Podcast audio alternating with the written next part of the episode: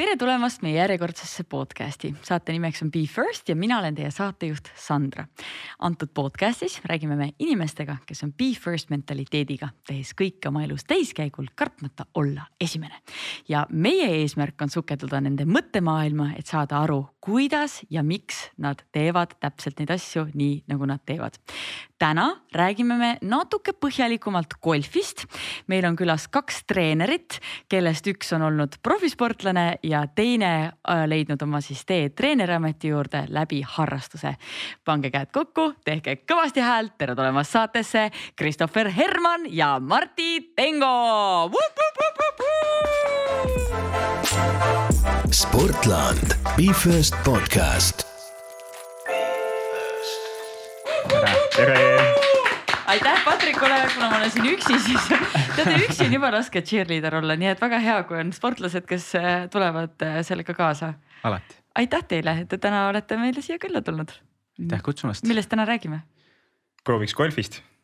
võib-olla natukene natuke golfist, aga enne seda, kui me läheme golfi juurde, siis ma tahaks äh, teist rääkida natuke teie taustast ja seda, et eh, kuidas te olete jõudnud selleni, mida te teete ja me alustame kõiki oma saateid alati esimeste mänguga. ehk siis me räägime teie esimestest, mina alustan lauset ja teie lõpetate selle ja kontrollima ei hakka, et kas on, kas on tõene või, või vale, nii et et siis võite, võite, võite lasta oma mälestused eh, lendu, aga alustame, esimene võistlus.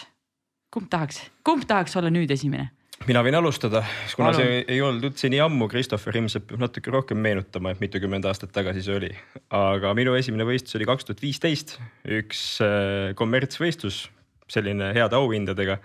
ja, ja, ja ütleme nii, et, et läks päris hästi, täpselt ei mäleta, vist äkki olin isegi kolmas, aga, aga see esimene emotsioon oli, oli päris vägev, et, et siis mõtlesin, et nüüd hakkan hullult võistlustel käima reaalsus oli see, et järgmist võistlust tuli oodata vist umbes kolm aastat, et kuidagi lihtsalt ei jõudnud, et, et neid mänguringe ja asju oli, oli suht palju, aga kuidagi see võistlustele minemine tundus selline ettevõtmine ja, ja ei pidanud ennast piisavalt heaks väga palju aastaid.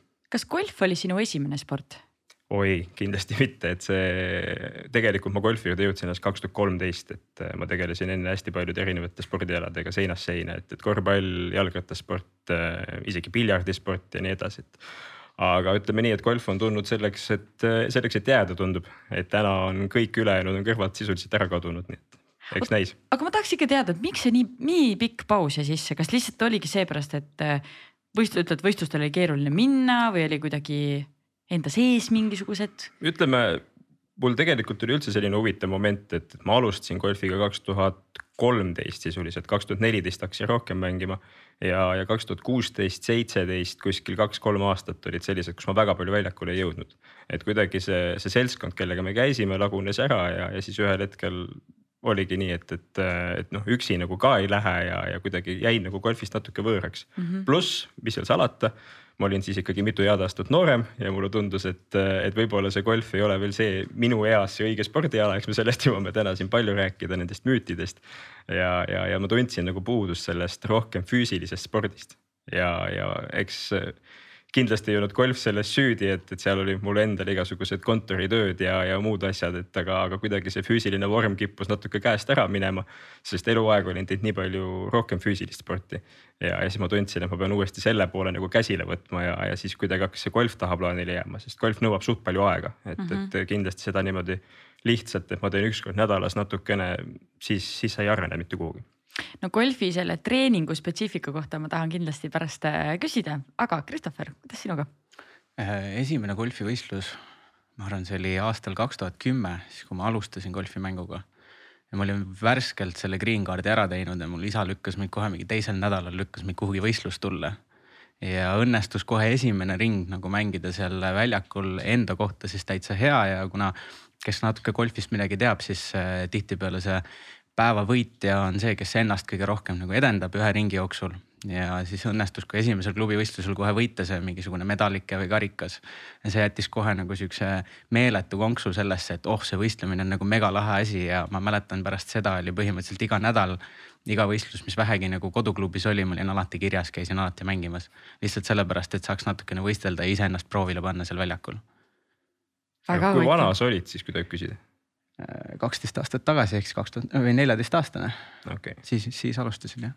aga see tuligi siis äh, isa initsiatiivil või? E, esialgu küll, et esimest korda, kuidas ma üldse sinna väljakule sattusin, oli läbi isa kutse, ma olin just värskelt äh, ühe teise nii-öelda hobi minetanud. enam nagu väga midagi ei teinud, ütleme nii, et puberteedieas hakkas natuke nagu ülekaalu ka juba tekkima, siis paps nagu torkis veits, et kuule veits vist peaks nagu liigutama, et tule kasvõi löö nagu minuga seal golfipalle. mõtlesin, mis, mis ma ikka lähen sinna, no igav veits vehid seal kaikaga ja nagunii midagi välja ei tule ja. Läksin esimest korda range'ile, seal oli kohalik, kohalik pro oli kohal, Rein oli seal, Rein Auväärt, tervitused talle edasi, kes Jäälähtmel töötab, üks vanimaid Eesti prosid et ta natuke seal juhendas, kohendas, läks, ma arvan, mingi pool tundi aega ja ma juba sain mingid esimesed siuksed sajameetrised löögid. koheselt tekkis nagu sihuke nagu hasart, et oh ülilahe, et mina ise tegin seda. üli cool, tahaks nagu veel teha, tahaks paremaks saada ja siis niimoodi nagu pall veerema läks et ma mäletan, et alguses, kui ma alustasin, siis ma kohe nagu ei julgenud sinna võistlusele minna, siis mul paps nagu tagant surus, ütles, et ah mine, mine ikka, et vahet ei ole, kuidas läheb, peaasi, et nagu proovid ja tegelikult ta aitas natuke nagu sellest mugavustsoonist välja saada. Sealt edasi läks juba see pall ise veerema, siis olid nagu ülejäänud asjad olid enda initsiatiivil. No selliseid papse ja, ja mampse ja onusid-tädisid tegelikult oleks hullult vaja, kes just niimoodi julgustaksid. et mine, proovi ja no vahet ei ole, mis saab, lihtsalt mine, mine katseta, sest mulle tundub, et noortel ja tegelikult ka täiskasvanutel on sihuke nagu suur hirm läbi kukkuda või et äkki ma ei ole piisavalt hea või teised vaatavad, et ma ei tea, mul ei ole, ma ei tea, löök pole hea või bluus pole õige, et, kui palju te praegu igapäevatöös näete neid selliseid hirme, mis inimestel on, mis neid nagu tagasi hoiavad? meeletult, eriti, eriti alustavate mängijate seas. aga mis, mis need on täpsemalt? Oli isiklik kartus just nagu selle osas, et vaata, et kõik pööravad sinu juurde tähelepanu, et sa ise, ise jääd nagu sinna selle nagu tähelepanu epitsentrisse. tegelikult on ju vastupidi, iga mängija on iseendaga juba piisavalt kimbuksis, et neil on nagu endal nii palju mõtteid peas, et viimane asi, mis nad teevad, on vaatavad tegelikult seda, mis sina teed. ja pigem ongi see sihuke väike nagu sotsiaalne ärevus ja sihuke kartus. pigem kartus nagu eksida, mis siis saab, kui mul välja ei tule, mis vahet seal on proovi noh. äkki minu pärast kogu see flight ehk siis see mängugrupp on jube aeglane või midagi sellist et ma ütleks, et golf on üks kõige ägedamaid spordialasid selles mõttes, et seal ei ole nagu grupisisest äh, võistlust, igaüks võistleb iseendaga. et isegi kui tuua võrdluseks diskgolf, siis seal on ikka veits see, et, et noh, kuidas on täna, et kas panen sõbrale ära või ei pane, eks ole, kuigi seal ka tase on, on, on väga erinev. aga golfis igaüks võistleb iseendaga, et tegelikult seda ei ole vaja üldse karta kas golfi ja diskgolfi vahel on mingisugune, kas siin tekib mingi hõõrdumine? me mõlemad oleme suht aktiivsed diskgolfarid ka olnud mingil eluhetkel, nii et, et selles Aha. mõttes meie jaoks küll seda vist ei ole aga suures pildis vaadates küll, ma arvan, et diskgolf kindlasti on hetkel nagu populaarsem võrreldes golfiga. aga eks mm -hmm. me pärast hiljem räägime nendest stigmadest ka, mis nagu takistavad inimestel sinna väljakule tulemast ja siis seda mängu mängimast mm -hmm.. kusjuures, et mul ei läheks meelest ära, siis äh, need, kes on mõelnud veits golfiga alustamise peale, siis tegelikult meil käib praegu Instagramis äh, mäng, kus me loosime välja äh, siis võimaluse alustada golfiga alustada, kes, kes tahab, siis minge, minge tšekkake meie Instasse, seal loos käib, nii et või on võimalus, kas on võimalus näiteks teiega ka seal tulla, tulla kohtuda teiega, kasvõi katsuda või, või vaadata kaugelt või lehvitada no selle katsumise Kätsu. osas ma ei tea kätt võib ikka suruda. ma arvan, et kindlasti on näha meid seal. et Greencardi äh, koolitust võib-olla võibki Christopher üldse läbi, ega seda täpselt ei tea ju. ja kes see nagu äh, tollel nädalavahetusel nagu seda läbi viib, aga kindlasti üks meie nagu kvalifitseeritud treeneritest nagu seal Aha. abistamas teid on ja, ja ma arvan, et saab nagu kasvõi nagu väga laheda nädalavahetuse osaliseks, et kui see nagu mäng ei imponeeri lõpuks, vähemalt laiendad oma silmaringi, sa saad aru, mis see mäng üldse endast mm -hmm. kujutab. tegelikkuses ma arvan, et enamustel tekib ka nagu sihuke väike respekt nende mängijate osas, kes seda golfi harrastavad. sest tehniliselt ja nii-öelda mentaalselt on see ikkagi päris nagu tehniline mm -hmm. või nii-öelda raske ala ja et selles nagu edukaks saada, tuleb ikka väga palju aega pühendada. oota, enne kui me läheme edasi, by the way, see äh, saate algus ongi niimoodi, et siin tekib nii palju huvitavaid äh, teemasid, et kõike tahaks kohe küsida. mis asi on Green Cardi koolitus üldse? mis, mis seda võib-olla defineerib siis Christopher, kes neid teeb no Green Cardi koolitus on sihuke Põhja-Euroopas äh, välja toodud sihuke nagu alustamisformaat, et see Green Cardi koolitus hõlmab siis äh, sihukest head ülevaadet äh, golfi ajaloost, etiketist nii, nii nii-öelda siis väljakul käitumise osas kui ka riietumise osas. ja samuti ka nii-öelda siis äh, golfi reegleid ja ka mingisuguseid mänguelemente. mõte on siis see, et äh, inimesed, kes ei ole golfiga mitte kunagi kokku puutunud, tulevad sinna väljakule. Nad saavad üldse sotti, mis see golfimäng on, kuidas see algus ja nii edasi. ja nad õpivad seda mängu mingil määral nagu loogiliselt ka mängima. Et äh, ilma sihukese nagu koolituseta sinna väljakule minek võib olla liiga palju, et, äh, et golfimäng oma mängutempolt on tegelikult üpriski intensiivne et äh, suhteliselt kiiresti tuleb mängida tuleb kiiresti mängida, ega see ei tähenda seda, et ma joostes läbi lähen sealt väljakult, aga. Aga kas tehakse aga nii tehakse ikka, tehakse ikka, aga iseenesest nagu see mäng esialgu alustele võib tunduda päris sihuke intensiivne ja too much, korraga hästi palju tuleb jälgida, teha, vaadata et see Green Card'i koolitus õpibki meil neid nii-öelda hullikesi natuke nagu suunama sinna õiges suunas. et nad hakkaksid nagu seda pilti paremini nagu aru saama. ega see ei tähenda seda, et sa teed selle Green Card'i kursuse ära, et vaata, siis on linnuke kirjas. nii, mis näk-, mis see järgmine hobi on, okei okay,, nüüd hakkan kitarrimängu õppima või mis iganes. aga ta on pigem sihuke nagu kand ukse vahel, et siit ma nagu alustan seda teekonda et äh, kindlasti see on sihuke nagu must asi igale mängijale, kes tunneb huvi selle osas, et äh, tahaks golfimänguga alustada. Et see programm ise on kümme tundi, ta kestab ühe nädalavahetuse jooksul siis kahel päeval mm. -hmm. ja ma arvan, et annab nagu suurepärase ülevaate ja nagu ma ütlesin, et kui ta isegi nagu alguses ei kõneta sind, mis iganes jääb võõraks, ei meeldigi lihtsalt täiesti normaalne. kõigile ei peagi kõik asjad meeldima, aga vähemalt sa saad, sa saad mingisuguse info selle osas, mis see mäng on mm. -hmm. kasvõi silmaringi laiendamise mõttes. ja ägeda uue kogemuse. ja just et noh. ja mis puudutab meiega kohtumist, siis tegelikult meil on töötatud välja sihuke treeningprogramm ka nendele, kes on värskelt Green Cardi koolituselt tulnud. Ja mm., ja me nimetame seda siis nii-öelda roheliseks treeninggrupiks, mis ongi siis tuletatud sellest Green Cardi nimetusest. ja, ja seda gruppi viingi läbi mina, nii et, et kui Christopheriga võib-olla ei pruugi kohtuda, sest äh, Green Cardi koolitusi teevad ainult prod, keda meil on, on, on piiratud arv, siis, siis seda jätkukoolitust viin, viin mina läbi, nii et kindlasti soovitan edasi õppida, mitte hakata omal käel seal kuskil äh, metsa vahel kõplema ja, ja mõelda, et miks üldse välja ei tule mul on nii palju küsimusi. ja prod, siis on neid on appi. olgu, aga me saame, saame sellest kohe rääkida, ma natuke tahaks veel teie kohta uurida. Martti, võib sina võid alustada, mis oli su esimene läbikukkumine?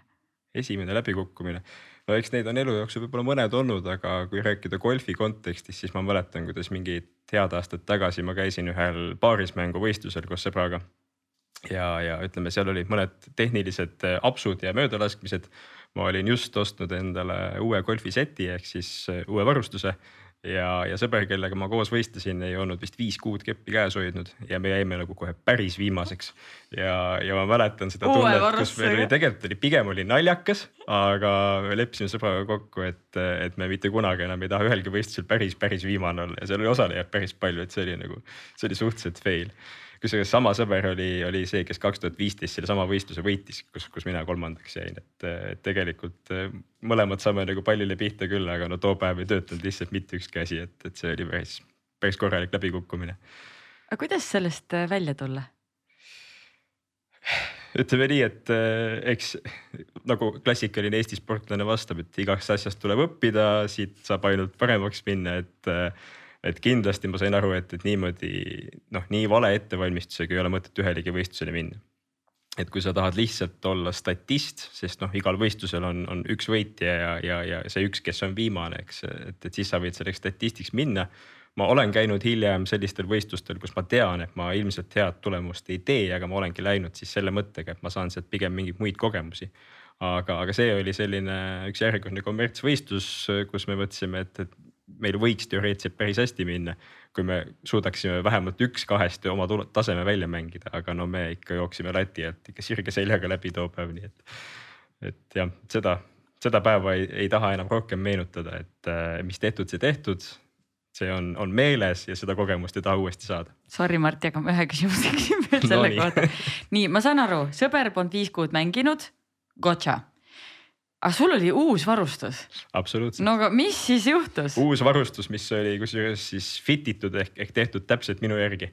ja, ja mis juhtus, oli siis klassikaline sportlase fenomen, et, et expectations oli nagu siin, aga reality nagu kikkis kuskil siin poole peal vastu, et, et lihtsalt ei töötanud. aga Kuigi... siis lihtsalt ei olnud nagu seda skill'i või, või need, või need kepid nagu ei, sa ei olnud neid sisse mänginud, ma ei tea, kuidas selle kohta öeldakse, mängitakse sisse äh,, ei või? Christopheriga koos tegime seda fitting ut, et, et me seal valisime siis täpselt nagu selle komplekti välja, mis, mis mulle tundus fitting'u aeg, et, et töötab nagu laitmatult. Aga siis, kui sa kaks kuud hiljem selle lõpuks kätte said ja esimest korda sellega rajale läksid, siis oli võõras, aga tegelikult on siin muidugi üldse see spordipsühholoogia, et, et kui inimene läheb pingeolukorda, siis ta läheb mingisugusesse sellesse vanasse mugavasse, mis tihtilugu enamasti ei ole tegelikult efektiivne ja, ja, ja tegelikult tol ajal me just Christopheriga olime päris korralikult minu seda swing'i ja kõike mängu ümber ehitamas, et, et me olime selle teekonna päris alguses. ja ma proovisin siis ühel päeval sobitada kokku esimesed, esimeses kahes trennis õpitu koos uue varustusega. ja, ja see, ütleme nii, et tulemus oli tegelikult oodatav, kui tagantjärgi mõelda okei okay,, ma ei, ma ei piina sind rohkem selle halva mälestusega enam. Christopher, lähme sinu halva mälestuse oh, juurde oh, ma ütleks, et üks nagu siukseid äh, eredamaid äh, kaotusi, mis ma arvan, õpetas mind väga palju. et noh, esialgu ikka, kui golfiga alustad, ega noh, nagu Mart ütles, et üks võitja on ainult. et noh, neid võistlusi, kus sa tuled seal, ma ei tea, keskel maha on täiesti nagu jube palju.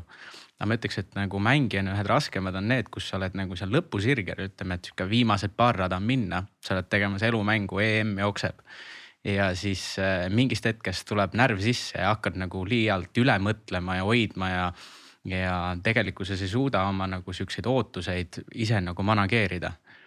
ja sealt kohast nagu mängida kogu oma nagu see tulemus maha mõne nagu kehva löögiga, kus tegelikkuses sa enam ei suuda olla hetkes, vaid mõtledki tulevikule ja minevikule.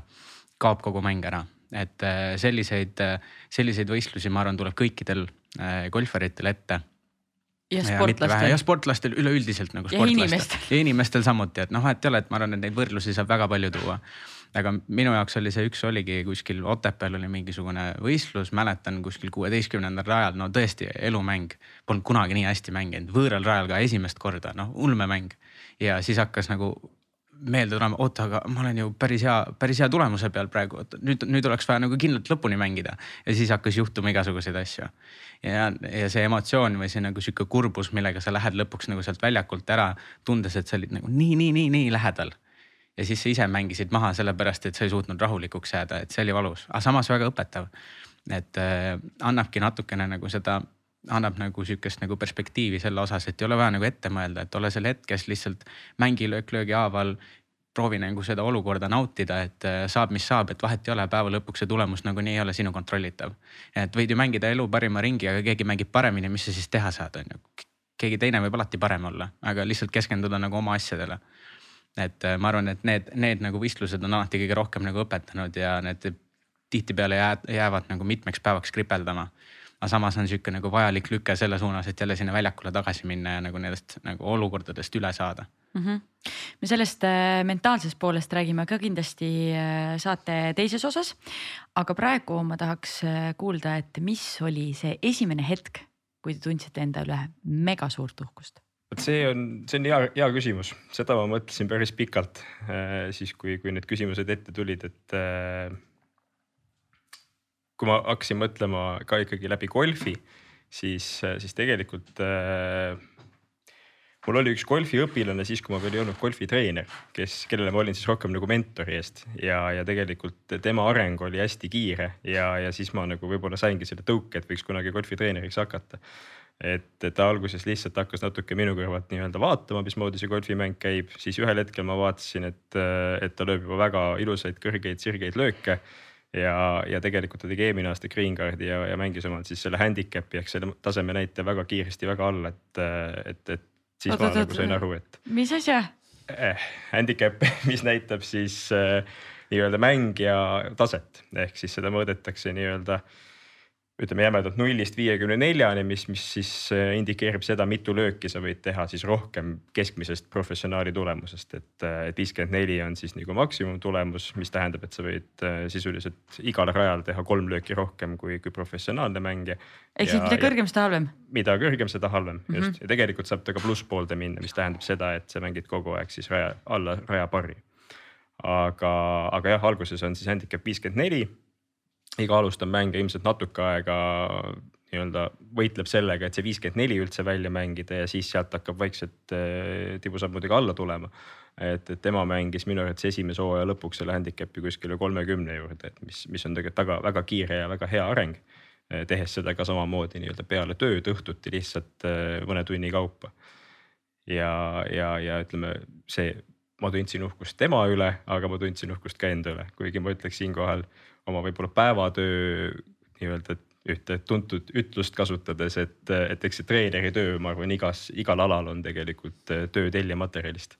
et, et õpilasi on lihtsalt väga erinevaid ja, ja, ja mõne inimesega sa, sa saavutad selle tulemuse rutem, teise inimesega sa võib-olla ei saavutagi seda tulemust kunagi, et, et, et see on kindlasti üks asi, mida ma treenerina pean, pean õppima, et, et kui ei tule ühe tunniga mitte mingisugust edu, siis see ei tähenda, et ma olen mingeid valesid asju teinud, et võib-olla natuke teistmoodi oleks pidanud lähenema, aga lihtsalt lähebki kauem aega ja see on äh, minu arust üks väga oluline teadmine, teadmine, mida iga alustav treener võiks, äh, võiks teada, et ma oma kogemusestki mõtlen, et see oli nii suur hirm alguses. ma, ma mäletan, ma ei julgenud personaaltreeningut teha, sest ma mõtlesin, et äkki nad ei arene ja siis ma mõtlesin, et aga siis olen ju mina süüdi, et nad no, äkki ma pole teinud nagu mingeid õigeid harjutusi neile või et äh, pole push inud neid piisavalt, et äh, see on väga hea asi, mida meelde jätta, et äh, ja ka inimesele endale. et alati ei ole see, et oo oh,, ma ei tea, treener oli kehv või ei andnud mulle piisavalt harjutusi, no viits, mine vaata peeglisse. kindlasti leidub neid õpilasi, kes süüdistavad treenerit enda ebaedus, et see on, see on paratamatus. ja juhtub ka seda, et mõni treener ongi Polegi võib-olla kõige parem absoluutselt aga kuidas sul esimene sihuke nagu golfiga seonduv uhkus. see võib olla, see ei pea olema golfiga, see võib olla no, muidu. temaatiliseks ikkagi. no jätame temaatiliseks. Äh, ma ütleks, et äh, minu jaoks äh, oli ikkagi, kuna ma võistlesin piisavalt palju enda, enda kohta, siis ma arvan, mingid siuksed nagu eredamad võidud kindlasti on nagu olnud see, mis jätavad nii-öelda mälestuse. ja esimene kord, kus ma nagu tõesti tundsin nagu uhkelt ennast, ma arvan, et oli esimest korda, kui ma tulin äh, enda koduklubist, tulin klubimeistriks. et see oli päris, päris sihuke nagu lahe tunne, et eelnevalt kogu aeg olid võistelnud seal juuniorites, nüüd järsku said nagu meestega koos võistelda ja siis tulla nagu oma nagu klubi parimaks mängijaks oli, oli väga lahe nagu sündmus ja, ja ma mäletan, et äh, see võistlus ise ka, seal oli päris mitu teist, kes minuga konkureerisid, väga nagu kaelast kaela võitlesime kogu aeg ja äh, kaalukohas kuidagi osutus nagu minu poole. et see, see, see oli tõesti nagu sihuke uhke moment äh, nagu mängijana. no mis klubi see on, mille üle võib, võib ka uhke olla, et sellised mängijad on? Eks neid klubisid on vahetunud, hetkel ma olen Rae golfiklubis, aga siis, kui ma noorena nagu väga palju trenni tegin, siis ma olin Jõelähtme golfiklubis. et siis, siis see nagu võit tuli mulle seal EGCC golfiklubis. aga kas siis sellel võistlusel võivad kõik liikmed, kes seal klubis on, osaleda?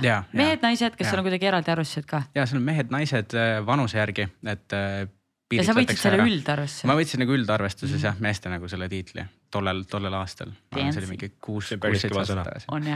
et noh, nii-öelda nagu klubimängija seisukoha pealt äh, see nagu klubi meistrikad on äh, nii-öelda üks tähtsamaid võistlusi üldse nagu kogu aasta jooksul. et sinna tulevad kõik klubimängijad kohale ja siis kogu klubi nagu seltskond võtabki mõõtu, kes siis nagu kõige parem on.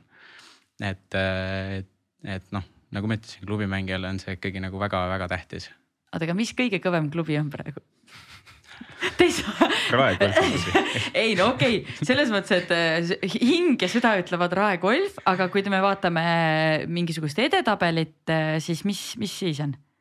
et kui me vaatame nagu mängijate äh, sihukest nagu oskusbaasilt, et kui, kes, mis klubis praegu kõige paremad mängijad on? jah, näiteks, kas klubid pannakse ka omavahel kuidagi joonele? klubide meistrivõistluse. klubide meistrivõistluse on ja eel, eelmine aasta minu meelest meestes võitsid, võitis Rae. jah, seda ja. ma räägin, ega ma nalja ei tulnud tegema, ma räägin fakte aga te mingis kehvas klubis siis ei ole jah? ei ole, ei ole väga lahe, aga ma viimase esimeste mängu küsimusena mm, tahaksin teada, et mis oli esimene asi, ei, ütleme nii, et see, see võib olla täna hommikul, aga võib ka olla üleüldiselt, et mis on asi, mida te hommikuti esimesena teete? minul on see väga lihtne, äh, kui ma räägin nii-öelda tööpäeval ehk siis viiest päevast nädalas, siis äh, esimene asi on see, ma mõtlen oma päevaplaani läbi, sest kuna ma käin kaheksast viieni kontoritööl, siis äh, ma pean teadma, kas ma pean võtma kõik need golfi asjad kaasa, millega õhtul otse kontorist sõita trenni andma nii et, et, et kuskil ütleme siis kolm päeva nädalas on see teemaks ja kahel päeval ei pruugi olla, aga võib olla, nii et, et see on alati see, millele ma pean hommikul esimese asjana mõtlema. mis kellani sa siis oled äh, seal väljakul, kui, kui? valdavalt trennid hakkavad mul kell viis ja lõpevad kell kaheksa, et sihuke kuni kolm tundi, et mm -hmm. mõni päev on kaks tundi, mõni päev on kolm tundi, et sõltub nädalapäevast ja, ja, ja natukene siin nipet-näpet, et aeg-ajalt asendad kellegi teise trenne ja, ja muud taolist kas üldjuhul inimesed pöörduvad otse treeneri poole või see käib kuidagi läbi klubi? Läbi klubi käib tegelikult nendesse grupitrennidesse, et noh, Christopher tegeleb siin rohkem eratreeningutega, seal käib nii-öelda omavahel kokkuleppimine ilmselt, aga, aga grupitrennid käivad kõik läbi, läbi klubi, et mm -hmm. mina lihtsalt vaatan broneerimissüsteemist, et kas mul üldse on täna inimesi. et, et hooaja alguses oli meil gruppe hästi palju ja kõik grupid ei tulnud võib-olla kohe täis, aga, aga noh, nüüd seda küsimust enam ei ole, et nüüd pigem on see, et, et kas on grupp täis või, või, või on poolik, et lihtsalt kui palju ma pean ette valmistama mingeid asju. kui palju inimesi ühes grupis üldse on? Äh, me oleme praegu lubanud kuni kaheksa mm, -hmm. et äh, ütleme golfi puhul see kaheksa on absoluutselt maksimumpiir. et, et see on niimoodi, et sõltub ka natukene sellest, mis elementi see nädal lihvitakse, aga võib juhtuda nii, et sa selle tunni aja jooksul jõuadki umbes poolteist korda ühe inimese juurde. et, äh, et, et see on, on tegelikult treeneri jaoks pigem natuke juba ebamugav lõpuks, kui sa ei jõua enam kõikide inimestega nagu nii palju tegeleda, kui sa tahaksid mm. -hmm. aga, aga kui sul teinekord on sihuke neli inimest trennis siis sa saad nagu paralleelselt nendega tegeleda, sest kuna inimesed on nii erineva tasemega, siis äh, sa ei saa tegelikult äh, noh teeme näiteks mingisugust, ütleme avalöögitrenni, eks ole, maakeeli öeldes, siis, siis sa ei saa kõikidele inimestele anda lihtsalt seda avalöögikeppi ehk driver'it kätte, öelda, et hakka uhama. vaid, vaid pigem on ikkagi, ikkagi see, et sa pead vaatama, et, võib-olla mõni mängija ei olegi üldse veel valmis driver'iga lööma, eks ole, et siis annad talle hoopis mingid omad harjutused, et ta saaks mingi siukse basic level'i kätte, et, et seda sa pead nagu kohe alguses jälgima hull žonglöörimine eks ta ole jah. aga no much rewarding much öeldakse selle kohta vist. selles mõttes eratrenne on ilmselt natuke lihtsam Aha. teha, et sa tead täpselt, mis sul täna nagu nii-öelda sulle vastu vaatab sealt, et sa saad planeerida ka paremini. no Christopher, mis sulle hommikuti vastu vaatab esimese asjana? mul on see hommikune kava on suht sarnane tegelikult, ma ühildan selle pesuskäiguga et mul on nõndaviisi, et ma ärkan hommikul üles, ma teen oma kalendri, teen oma kalendri lahti, vaatan, et äh, mis tunnid mul on, enam-vähem mul jääb meelde et kellega, mida ma pean tegema ja siis ma lähengi sinna pessu samaaegselt ja siis see on nagu minu enda aeg, kus ma saan nagu peegeldada kogu seda, mis ma täna teha tahan. ja suure tõenäosusega päev lõpeb samamoodi, et lõpetan oma selle töö ära, tuled koju higisena väsinuna, lähed pessu jälle mõtled, nii sain ma kõik asjad tehtud nagu nende inimestega, kellega ma täna tunde tegin.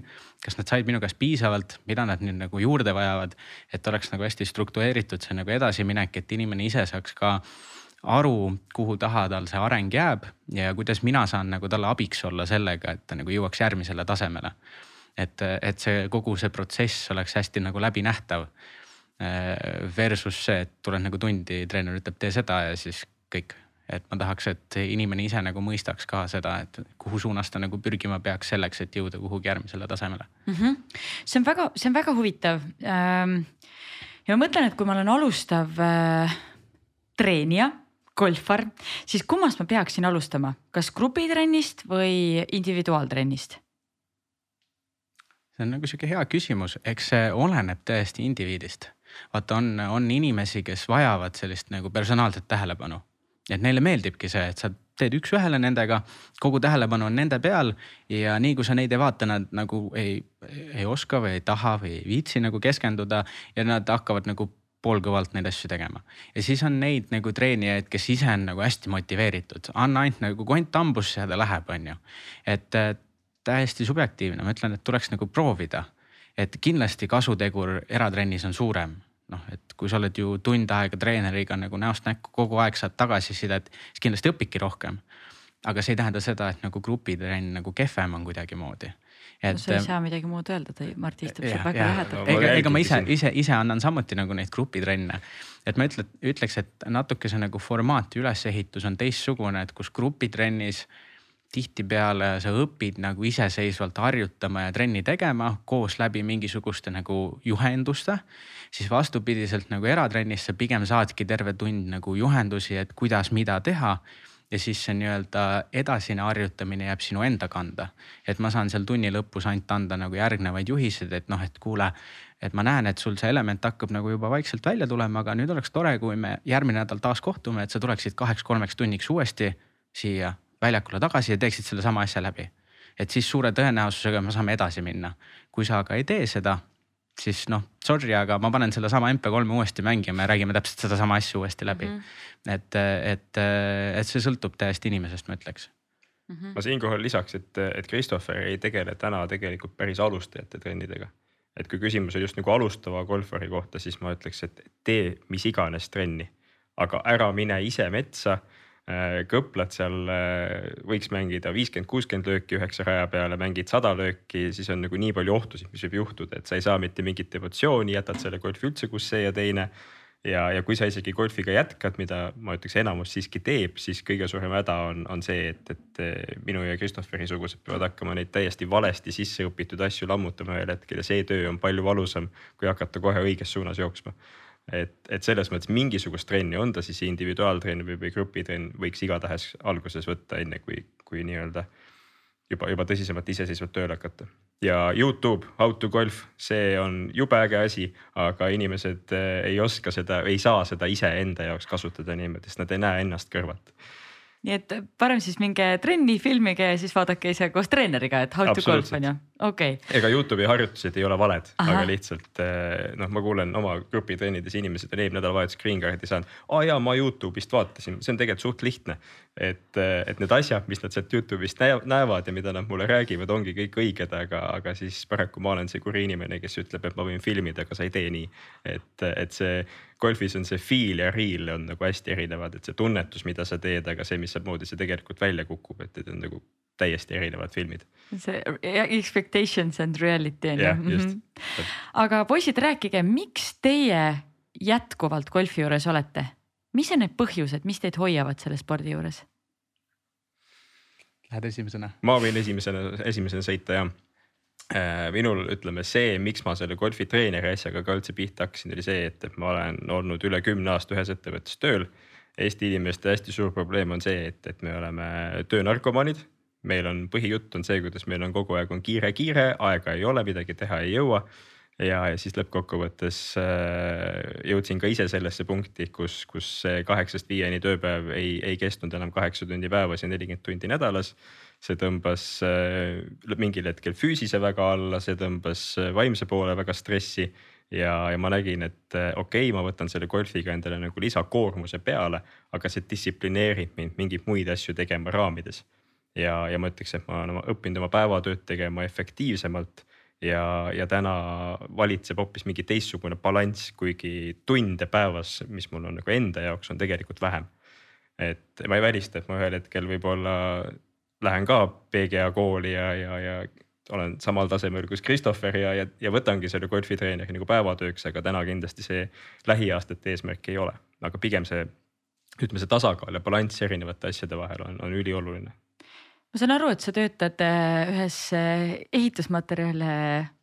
tootvas. tootvas ettevõttes, tootejuhina. just. on ju, kui sa mõtled nüüd selle peale, et mis on need õppetunnid, mida sa oled golfist saanud, kas sa oled, kas ja kuidas sa oled neid oma põhitöös kasutanud? Ma, ma ei oska öelda, et kui palju ma nagu nüüd neid golfi asju oma põhitöös olen saanud kasutada, pigem vastupidi, et, et see nii-öelda eelnev kogemus tootejuhina on andnud mulle võib-olla mingisuguseid tõukeid, eks see natuke on selle personality'ga seotud, mis mul on. et, et kuna mu põhitöös on hästi palju vaja teha koolitusi, ma teen mõnel aastal see võib olla mingi nelikümmend, viiskümmend koolitust aastas, siis see, et ma pean minema hakkama mingisuguste inimeste ees rääkima, õpetama neid õpetamisel ja targutamisel on ka suht õhkõrn piir, ma ütleks. sest ma näen väljakul väga palju neid mittekvalifitseeritud äh, treenereid, kes, kes oma flightikaaslasi siis õpetavad, et seal see võib teinekord päris tüütu olla. aga, aga ka tegelikult jah, see, see nii-öelda soov inimestele midagi edasi anda on mul tegelikult väga-väga ammusest ajast juba, juba sees ja, ja eks see kogemus äh, suurte auditooriumite ees mingisuguseid koolitusi läbi viia on, on pigem olnud see, mis on andnud mingisuguse julguse ja, ja tõuke, et, et davai teemegi siis seda. et, et sedapidi, sedapidi ilmselt rohkem, et kuna ma olen pool elu sisuliselt äh, selles vallas töötanud. väga lahe, aga Christopher, mis, mis sind hoiab kinni? ega ma arvan, et ma ei tegeleks sellega, kui ta ei meeldiks. et see nagu põhiasi taandubki sellele meeldivusele, et äh, noorest saati on meeldinud, siiani meeldib. miks ma selle olen ka enda hetkel nagu igapäevatööks teinud, sest see meeldib mulle, et see on nagu sihuke üks südamelähedane asi ma arvan, ma ei oskaks nagu oma et, elu ette kujutadagi, et see nagu golf ei oleks osa nagu minu elust. vahet ei ole, kas see on siis kasvõi kord kuus nagu väljakul käimine ja ühe ringi mängimine. et äh, ma näen, et äh, see on see asi, mis mulle meeldib ja, ja neid nagu siukseid kasutegureid, mis ta mulle annab, on minu jaoks päris palju, et ma saan olla kasvõi neli tundi looduses nende inimestega, kellega ma tahan olla, lihtsalt nagu veeta kvaliteetset aega ollagi lihtsalt hetkes nagu minetada see, mis on nagu möödunud päevadel juhtunud või mis tulevikus võib tulla, ma saan lihtsalt nagu nautida seda nagu olekut. et see on see, mis minu jaoks nagu golf kõige rohkem annab. ja, ja kui nagu neid nagu positiivseid tegureid seal ei oleks, ma arvan, ma ei teeks ka seda, lihtsalt taandubki sellele, et mulle meeldib see aga Eestis on päris palju golfiklubisid ja tegelikult, eh, kui ma ei eksi, siis Niitvälja vist on see kõige selline klassikalisem, kõige nagu vanem. miks just raekolf? no minul sai tegelikult nagu kogu see teekond sai alguse, saigi üldse Suuresta golfiklubist, mis on see vana nimi raekolfile. et eh, kunagi, kui ma nagu alustasin golfimängu, siis eh, seal ma, seal ma nagu õppisin neid esimesi, esimesi samme ja miks nüüd nagu tulevases eas nagu raekolf, sest et noh, vahepeal on siin igasuguseid muid asju elus olnud, et ei ole kogu aeg töötanud ka treenerina. ja aga miks nüüd just raekolf, tegelikult on sellepärast, et kogu see kollektiiv, kes praegu nagu seda ettevõtet nagu jooksutab, on äh, minu, minu sõbrad olnud sisuliselt nagu sellest ajast saati, kui ma nagu golfiga alustasin. ja see, see sihuke nagu tugev peretunne on, ma ütleks sihuke nagu väga hea edasiviiv jõud olles nagu osa sellest nagu organisatsioonist. ilma selleta, et kui ta oleks lihtsalt nagu mingi keha, kus me teeme tööd, kindlasti ei oleks sedasama minekut ja võib-olla oleks ka nagu toimunud mingi muutus ka golfiklubi osas, äkki teeks kuskil mujal. aga just seesama nagu see tugev peretunne aitab nagu äh,, aitab sealt seda tööolu hästi lihtsalt nagu hoida Mm -hmm. ja ma arvan, et seda tajuvad ka kõik äh, siuksed nagu inimesed, kliendid, kes meile sinna tulevad, et see atmosfäär ise ongi hästi sihuke perelik või sõbralik. et, äh, et, et kõik ongi hästi sihuke vaba mm, -hmm. et sa ei pea, pea nagu mingit maski ees kandma seal, just sellepärast ma arvan, et sellist sihukest nagu sarnast, ütleme siis nagu aurat või sihukest nagu olekut ma ei ole tähendanud väga peaaegu mitte üheski teises klubis, et üks, mis nagu väga sarnane kogu sellele olekule on kindlasti Valgeranna golfiklubi, kus ka kogu mängijaskond on nagu selle selle väljaku ümber olnud juba aastaid, kui mitte aastakümneid ja seesama seltskond ongi natuke nagu pere moodi, et käivad kasvõi nagu koos õhtusel ajal läbi, käivad kuskil õhtusöökidel, teevad koos mingeid reise, et ma arvan, et see on see tegelikult nagu, mis lõpuks päädib, et sama, sama ju võib olla iga muu spordiklubi või muu tegevusegagi, hobiga. et tegelikult need inimesed lõpuks kutsuvad sind sinna tagasi mm -hmm. ja see on see nagu põhipõhjus, miks sa tahad tagasi tulla. no ma nägin, Martti, et sa noogutasid võttis sõnad suust, et minu valmis mõeldud vastuse võttis sõna-sõnalt ära, et see vibe ja. tegelikult lugesin ja, su memo eile. jah ma panin sinna avalikult, aga, aga tegelikult jah, et, et see, see tiim ja see vibe ja kõik see on, on täiesti teistmoodi kui, kui mujal. et äh, seda on öelnud inimesed, kes on võib-olla teistest klubidest tulnud üle ja, ja öelnud, et kohe oli selline tunne esimene kord uksest sisse astudes, et sa oled siin teretulnud. et ma võin anda ka rohkem igavaid vastuseid, et, et Rae on minu jaoks nii kontori kui kodu mõttes logistiliselt kõige lähema koha peal. ja, ja ma arvan, et, et noh, Kris on olnud terve elu nagu koos saba ja sarvedega selles maailmas sees nii elukutselise mängija ja, ja koondise mängijana kui, kui treenerina. et ega mina olin lihtsalt eh, nii-öelda pühapäevamängija esimestel aastatel ja siis olid pigem need mingid logistilised põhjused. ja, ja, ja green card'i tegin ka tegelikult. väljakule või? kuidas? jalgsi lähed väljakule või? Eh, noh, teoreetiliselt võiks ju, aga, aga ja ei, tegelikult on eh, no ütleme Niitvälja klubi näiteks on minu jaoks teisel pool linna, et, et, et kui ma peale tööd tahaks sinna minna, mul on tund aega sinna sõita, tund aega tagasi sõita, et mulle iseenesest klubi ja väljak meeldib, aga, aga mul on lihtsalt ainus variant seal mängida nädalavahetustel mm. -hmm. et selles mõttes on, on Rae on hästi hea koha peal ja, ja minu algus lood on ka tegelikult Suuresta golfi aegadel, et ma olen lihtsalt sinna jäänud ja pole isegi nagu pidanud vajalikuks kuskilt mujalt nii-öelda otsida või kuhugi mujale minna mm. -hmm. mis vahe nendel radadel on, sest ma tean, et äh, tervitused siin äh, Piret Sepale. ma tean, kui palju ta on näinud vaeva, tähendab, ta on rääkinud mulle, kui suur vaev on see hoida kõik need rajad sire, siledad ja et see muru kasvaks ja oleks kindlat värvi ja kindel, kindlat pikkust, et, et et kui, kui te võrdlete, võrdlete nagu teiste radadega Eestis, siis äh, kuidas, kuidas, kuidas teil läheb? ma ütleks, et meil läheb äh, täiesti ootuspäraselt ja ma ütleks, et tegelikkuses seda üldplaani vaadates, siis äh, Eesti golf on tegelikult nagu hetkel väga heades kätes, kõik tegelikult tõesti annavad endast parima. et, et mängijad saaksid parimate väljakute osaks. et äh, kõik nii-öelda aegamööda panustavad oma väljakusse, üritavad nagu äh, kasvõi parandada masinaparki või edendada kuidagi nagu seda väljaku profiili, ma ei tea, muutes, ma ei tea, näiteks mingisuguseid takistuste asukohti või asju. et äh, tegelikkuses ikkagi meie klubi mängijaid suuresti nagu kuulatakse ja seda tagasisidet võetakse nagu väga tugevalt arvesse ja üritatakse nagu aastast aastasse pakkuda klientidele järjest paremat toodet mm. -hmm. et äh, suures pildis ma ütlen, et täiesti nagu ootuspäraselt, et äh, ma siin nagu mingit pingerida ei tahaks nagu seada, aga ma arvan, et vahet ei ole ka, mis golfväljakule sa Eestis lähed, suure tõenäosusega sa saad nagu päris meeldiva, päris meeldiva kogemuse osaliseks, et seda mitte ei ütle ainult, ei ütle ainult meie enda mängijad, et seda ütlevad ka välismängijad, et väga-väga harva sa kuuled, et et minnakse mängima, öeldakse, et oi, see väljak oli ikka nii halvas konditsioonis, pigem vastupidiselt kõik ütlevad, oo, see oli päris hea ja nüüd see on veel parem, et noh, nagu. et kuhu ma sattunud olen, et nii väike, nii väike riik, aga samas nagu kõik väljakud on nii, nii hästi ülal hoitud mm. -hmm. no meil on päris, päris palju võimalusi mängida, meil on võimalus soetada endale varustust, meil on imelised treenerid. ja inimesed tegelikult mulle tundub, et käivad päris tihti mängimas. kas te olete treeneritelt täheldanud, et mis on need põhjused, miks miks see golfi teekond jääb pooleli, et miks inimesed äh, loobuvad mingil hetkel? juba just need inimesed, kes on nagu võib-olla korra juba läinud tee on ju. no näiteks ja, et on ütleks, teinud et... need kaardid endale ära ja siis. ma ütleks tihtipeale inimestel äh, tekib ajapuudus. just et see on see kõige suurem äh, lävend golfis üldse, et kus ma ei tea, tahad tennist minna mängima, broneeri aeg on ju, tund aega platsil jooksed ennast surnuks ära, seal käid pesus on ju, lähed minema, tehtud. golfimänguga sa pead arvestama sihukest noh, et kui ma lähen teen nüüd kaheksateist rada ehk täisringi.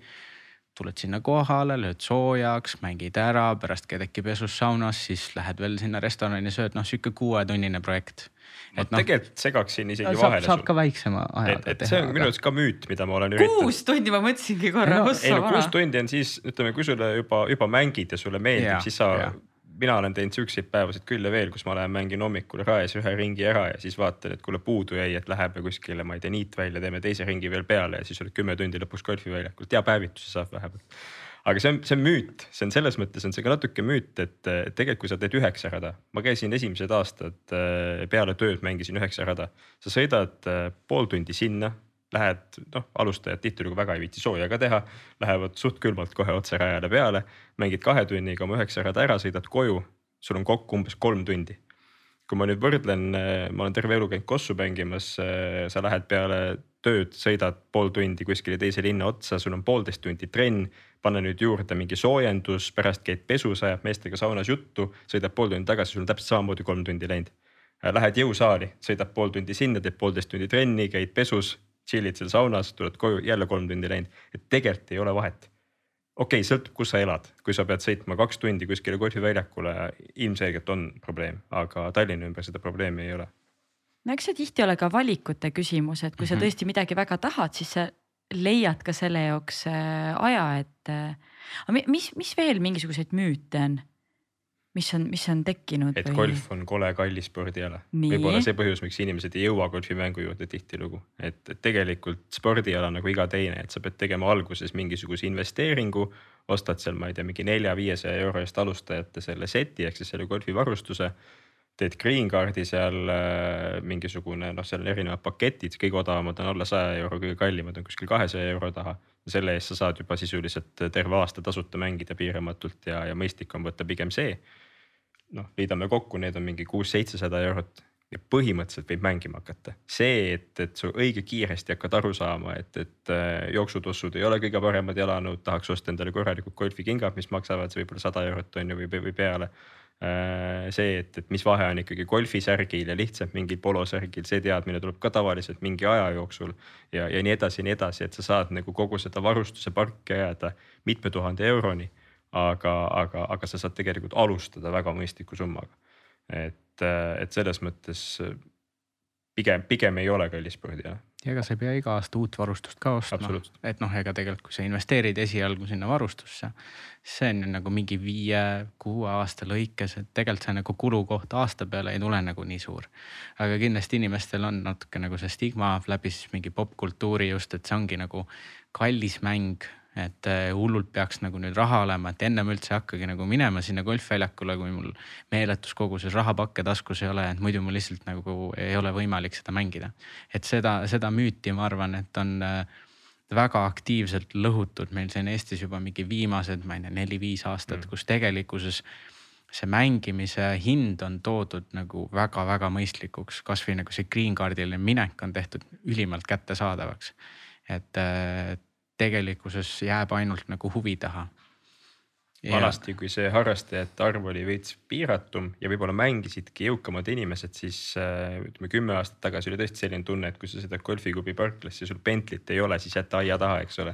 et, et täna tegelikult äh, ei ole sellist asja ka enam absoluutselt, aga sellest kõigest ongi inimestel see, see müüt külge jäänud, et, et noh, see golf on siin Eestis umbes kolmkümmend aastat vana ja me täna murrame seda müüti viimased viis aastat. et see tahab lihtsalt aega saada pluss ma tahaks öelda, et äh, minu arust golfiriided on nii ilusad, et neid saab igal pool mujal ka kanda, et mõtle, lähed peole, paned oma polosärgi selga, samas saad minna ka sellega trenni. ega väga palju teiste riietega ei käi suve ajal. jah, taaskasutus, aga ähm, ma just mõtlen, äh, kui meid kuulavad inimesed, kes on nüüd mõtlevad, olgu, tahaks proovida, tahaks minna, siis äh, mida peaks inimene enne teadma? enne seda, kui ta tuleb sinna, sinna koha peale ja annate talle selle kepi kätte ja let's go ma ütleks üks asi veel, mis tegelikult selle eelmise jutuga ka natuke lisandub. on üks, üks nagu sihuke tugev stigma veel, mis tihtipeale inimestel üldse pärsibki seda sinna tulekut, on see eh, mingisugune ettekujutus, et see mäng on pigem sihuke vanuritele või pensionäridele, et see on ka sihuke päris, päris nagu tugev eh, stigma, mis tegelikult inimesi peatab et tundub justkui, et noh, mis ma ikka lähen mängin, see on mingi igav mäng, vehid seal mingi metallpulgaga kuskil muru peal, mis seal lõbusat saab olla. Aga tegelikult, kui me vaatame nagu meie mängijaskonna nagu sihukest nagu ristlõiget, et kes, kes meil päriselt nagu mängivad seda mängu, siis eh, võrreldes muu maailmaga meie, meie nagu mängijaskond on ikka väga noor et keskmine sihuke vanuseiga, mis meie nagu väljakule tuleb, on eh, kolmkümmend viis kuni nelikümmend ja seal on ka väga palju kolmekümnest allapoole, natukene ka eh, neljakümnest ülespoole, viiekümnest ülespoole ehk tegelikkuses see nagu keskmine vanus on ikkagi väga noor. Ja noh, kui me võtame arvesse, et kolmkümmend viis, nelikümmend, see on ikkagi ju nagu see iga, kes tegelikkuses sisuliselt nagu meie seda riiki jooksutab, et eh, kõik meie siuksed nagu väga-väga nagu siuksed nagu äh, tugeval positsioonidel ja nii-öelda heas kohas töötavad inimesed tegelikult mängivad golfi ja mängivad ka nii-öelda noored, kes tahavad nagu sinna pürgida ja mängivad ka vanemad, kes on nagu selle teekonna juba läbi käinud. Versus kui me vaatame näiteks nagu mingit Inglismaa ristlõiget, siis seal sihuke nagu keskmine vanus naistel on seitsekümmend ja meestel on kuuskümmend viis, sest et noh, naised peavad lihtsalt kauem vastu et äh, tegelikkuses see nagu mängijaskond on hästi noor. Ja ma arvan, et selleks ka nagu üks asi mida inimesed võiksid nagu teada, et, et nüüd, kui nad tulevad nagu sinna golfiväljakule, et siis seal ei oota teid äh, nii-öelda siuksed nagu äh, pensionärid seal, kes nagu kõnnivad kaks tibusammu minutis on ju, vaid tegelikult te näete, et oo, et kogu nagu väljak ongi pigem nagu sihuke noori inimesi täis ja sihuke hästi nagu elurõõmus on pigem nagu see nii-öelda üleüldine atmosfäär seal väljaku ääres.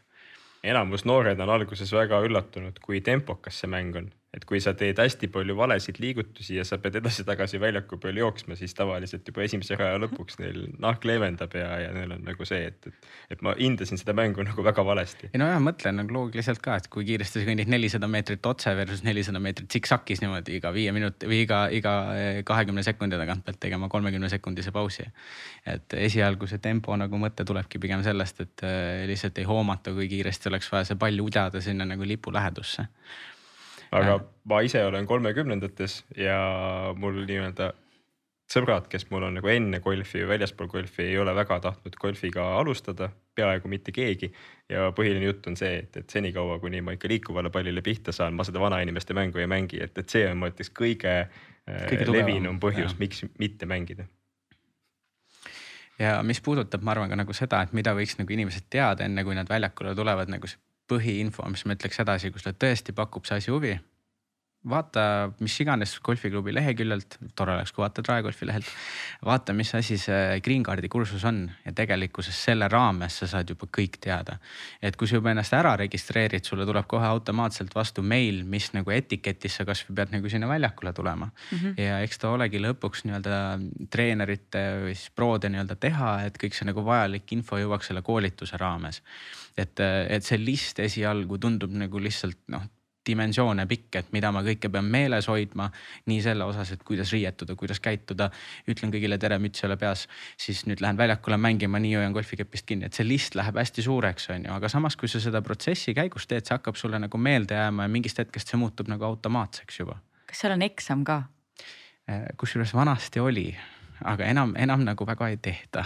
aga äh, pannakse meil neid mängijaid kuidagi teistmoodi proovile selleks, et et neid nagu suunitleda õigele teele, et, et jällegi see kümme tundi mõnikord ei ole igaühe jaoks nagu piisav selleks, et noh, nagu tegelikult iseseisvalt väljakule juba minna et kindlasti ongi jälle treenerite teha, et nad natuke nagu rohkem suunata neid, et, et kuule, sul oleks nagu paari trenni veel vaja või kuule, et lähme nagu näiteks ühe korra koos golfi mängima mm. -hmm. et siis sa saad natuke nagu paremini hakkama seal. aga vanasti, vanasti tehti täitsa nagu eksam, et pidid mingisugused asjad nagu ära sooritama selleks, et see green card pälvida ja kui hakkama ei saanud, siis tulid nädala pärast tagasi. ma ei tea, minu meelest kõik said hakkama alati liiga lihtne eksam oli. ju vist. aga ma lisaks ühe asja, mis Krisi jutust läbi käis, mida peaks teadma, eriti alustav golfar, aga ka edasi jõudnud golfar, et, et riietus, riietus on ülioluline. ma olen ise nii mitu korda sellega nagu puusse pannud et lähed hommikul rajale, väljas on ilus ilm, aga golfiring kestab teinekord viis-kuus tundi võistlustel ja, ja kui ikka poole pealt ilm muutub, et, et see kevad siin käisime Gruusias mängimas talvised Eesti meistrivõistluseid, kus oli kakskümmend seitse kraadi stardis. ja sisuliselt kümne minutiga kukkus temperatuur alla kümne kraadi ja tuli torm, mida ma pole kunagi varem näinud. et ja mul oli kaasas ainult üks pusa ja, ja selles mõttes kõik vihmariided, mingisugused soojad vahekihid, kõik sellised asjad, tutimütsid, kõik need olid mul kaasas, aga hotellis, kohvris, kindlas kohas. ja rajal ühe pusaga ja muidu täis lühikeses, et, et noh, sihuke täielik rookie mistake, mida, mida sa ikka teed, aga, aga mägedes kliima muutub kiiremini kui Eestis, nüüd ma tean no ega Eestis on ka sama noh, neli aasta aega ühes päevas kõike võib tulla, seal võib no. olla vihm, lumi, rahe, äike ja siis jälle tuleb äike tagasi. võib-olla pole need muutused lihtsalt nii kiired, et, et Eestis on väljakud ikkagi üldiselt sellise ülesehitusega, et, et enamasti sul on viimases hädas võimalik suht kiirelt jõuda klubimajja tagasi mm. -hmm. et aga kui sa seal oled kuskil mägedes kinni võõras kohas ka, sa ei tea neid mingeid shortcut'e, siis sisuliselt kõige kiirem tee tagasi on mängi lihtsalt kiiremini läbi. sest ainus asi, millega golfimäng katkestatakse, on äike et noh, tol hetkel äh, me palusime äikest, tegelikult äh, siis oli, oli, oli teine põhjus, kui golfimäng katkestatakse. tuul oli nii kõva, et äh, puhus green'i pealt pallid maha tegelikult on kaks veel yeah.. no mis need on? lumi ja meeletu sadu, kus äh, nagu selle augu ümbrusesse jääb juba nii palju vett, et ei ole palli võimalik veeretada. et noh, tihtipeale see golfimäng ikkagi katkestatakse nagu ülimalt kehva ilmastikuolu tõttu. no kui me siin juba võistlustest räägime, siis äh, millisel hetkel peaks äh, amatöör või see, kes on siis nagu natuke aega mänginud, mis hetkel ta saab aru, et nii, nüüd ma olen valmis oma esimeseks võistluseks? enne kui Christopher annab siin mingisuguse elukutselise PGA pro vastuse, ma ütleks, et tegelikult äh, alustajate võistlused on, on eraldi asjad ja, ja ma soovitan neid sisuliselt päris algusest peale. et neid mängitakse tihtilugu niinimetatud team scramble formaadis, kus, kus pannakse sind kokku mingisuguste kogenumate mängijatega ja, ja sa õpid meeletult palju seal just selle kogenuma mängija pealt üleüldiselt, missugune see võistlus on, kuidas üldse ütleme, õpid reegleid juba ja selliseid asju, mis, mis Green Cardi koolitusel on ühest kõrvast sisse, teisest välja. et, et, et sa saad kohe need esimesed tuleriistad kätte ja, ja ütleme üritusena nad on mega fun et kui sa lähed kuskile, ma ei tea, Eesti meistrivõistlustele, sa oled iseenda peas kinni kuus tundi rajal, sul on palju tõuse ja mõõnasid. sul on olukordi, kus sul mäng jookseb ja sa mõtled, et, et olengi Tiger Woods ja, ja sul on järgmine olukord, kus sul on sihuke tunne, et, et ma lihtsalt tahaks need kepid pooleks murda ja tiiki visata, on ju eh, loomulikult me kõik. soov.ee on ka lahendus, seal saab maha müüa. me, me suudame ennast talitseda golfarid, eks ole, aga, aga lihtsalt see, see tunne on, on, on teinekord selline et, et see, see on ka good point muidugi, et kuue tunni jooksul jõuab nii palju asju läbi käia, et, et paljudel teistel spordialadel teed oma tunni ära ja, ja sul ei jõua neid mõõnasid tulla. kuule, mul ei läheks meelest, kui sa mainisid soo.ee-d, kui on keegi, kes tahab osta endale näiteks kasutatud äh, varustust, kus, kas on mingid Facebooki grupid või mingid siuksed asjad? tegelikult on üks Facebooki grupp, mis noh, algupäraselt ei olnud mõeldud kui nagu äh, ostan, müün ja vahetan sait aga, aga? äh, sihuke nagu golfikommuun on loodud, äh, golfihaigla on nimi seal, ma arvan, et seal on äkki mingi neli või viis tuhat patsienti äkki või. ja seal vahepeal nagu liigub seda kola, aga kuna meil see mängijaskond on nii jõudsalt kasvavas, äh, kasvamas, et, et see nagu järelturg on tegelikult suht tühjaks ostetud. Et keegi paneb sinna postituse, ütleme nagu ma ei tea, kaks, kaks minutit ja juba öeldakse, et ma tulen, ostan sult kohe selle käest ära et nii-öelda kasutatud asju on hetkel Eestist väga raske nagu saada. mujal maailmas ikka liigub natuke rohkem, et äh, ma ei tea, põhjanaabritelt kasvõi Soomest on nagu seal on nagu väga lihtne näiteks kasutatud asju osta mm -hmm. või mhm. Inglismaalt tellides või mis iganes. positiivsed probleemid mm. -hmm. ma müüsin äh, paar aastat tagasi ühe alustajate naiste seti maha, mille järgi on väga suur nõudlus ja see oli sisuliselt niimoodi, et poole tunni jooksul oli mul helistanud kolm inimest, neist kaks ütlesid, et ma olen juba sinu poole teel ja mul oli nii, et põhimõtteliselt pange joonele, kes enne jõuab, see saab. enampakkumine, okei okay., aga ütleme nii, et äh, ma olen ära võistelnud, olen valinud, lähen võistlusele on ju, lähengi, oo, ma olen Tiger Woods, eks ole. ja no ebaõnnestun.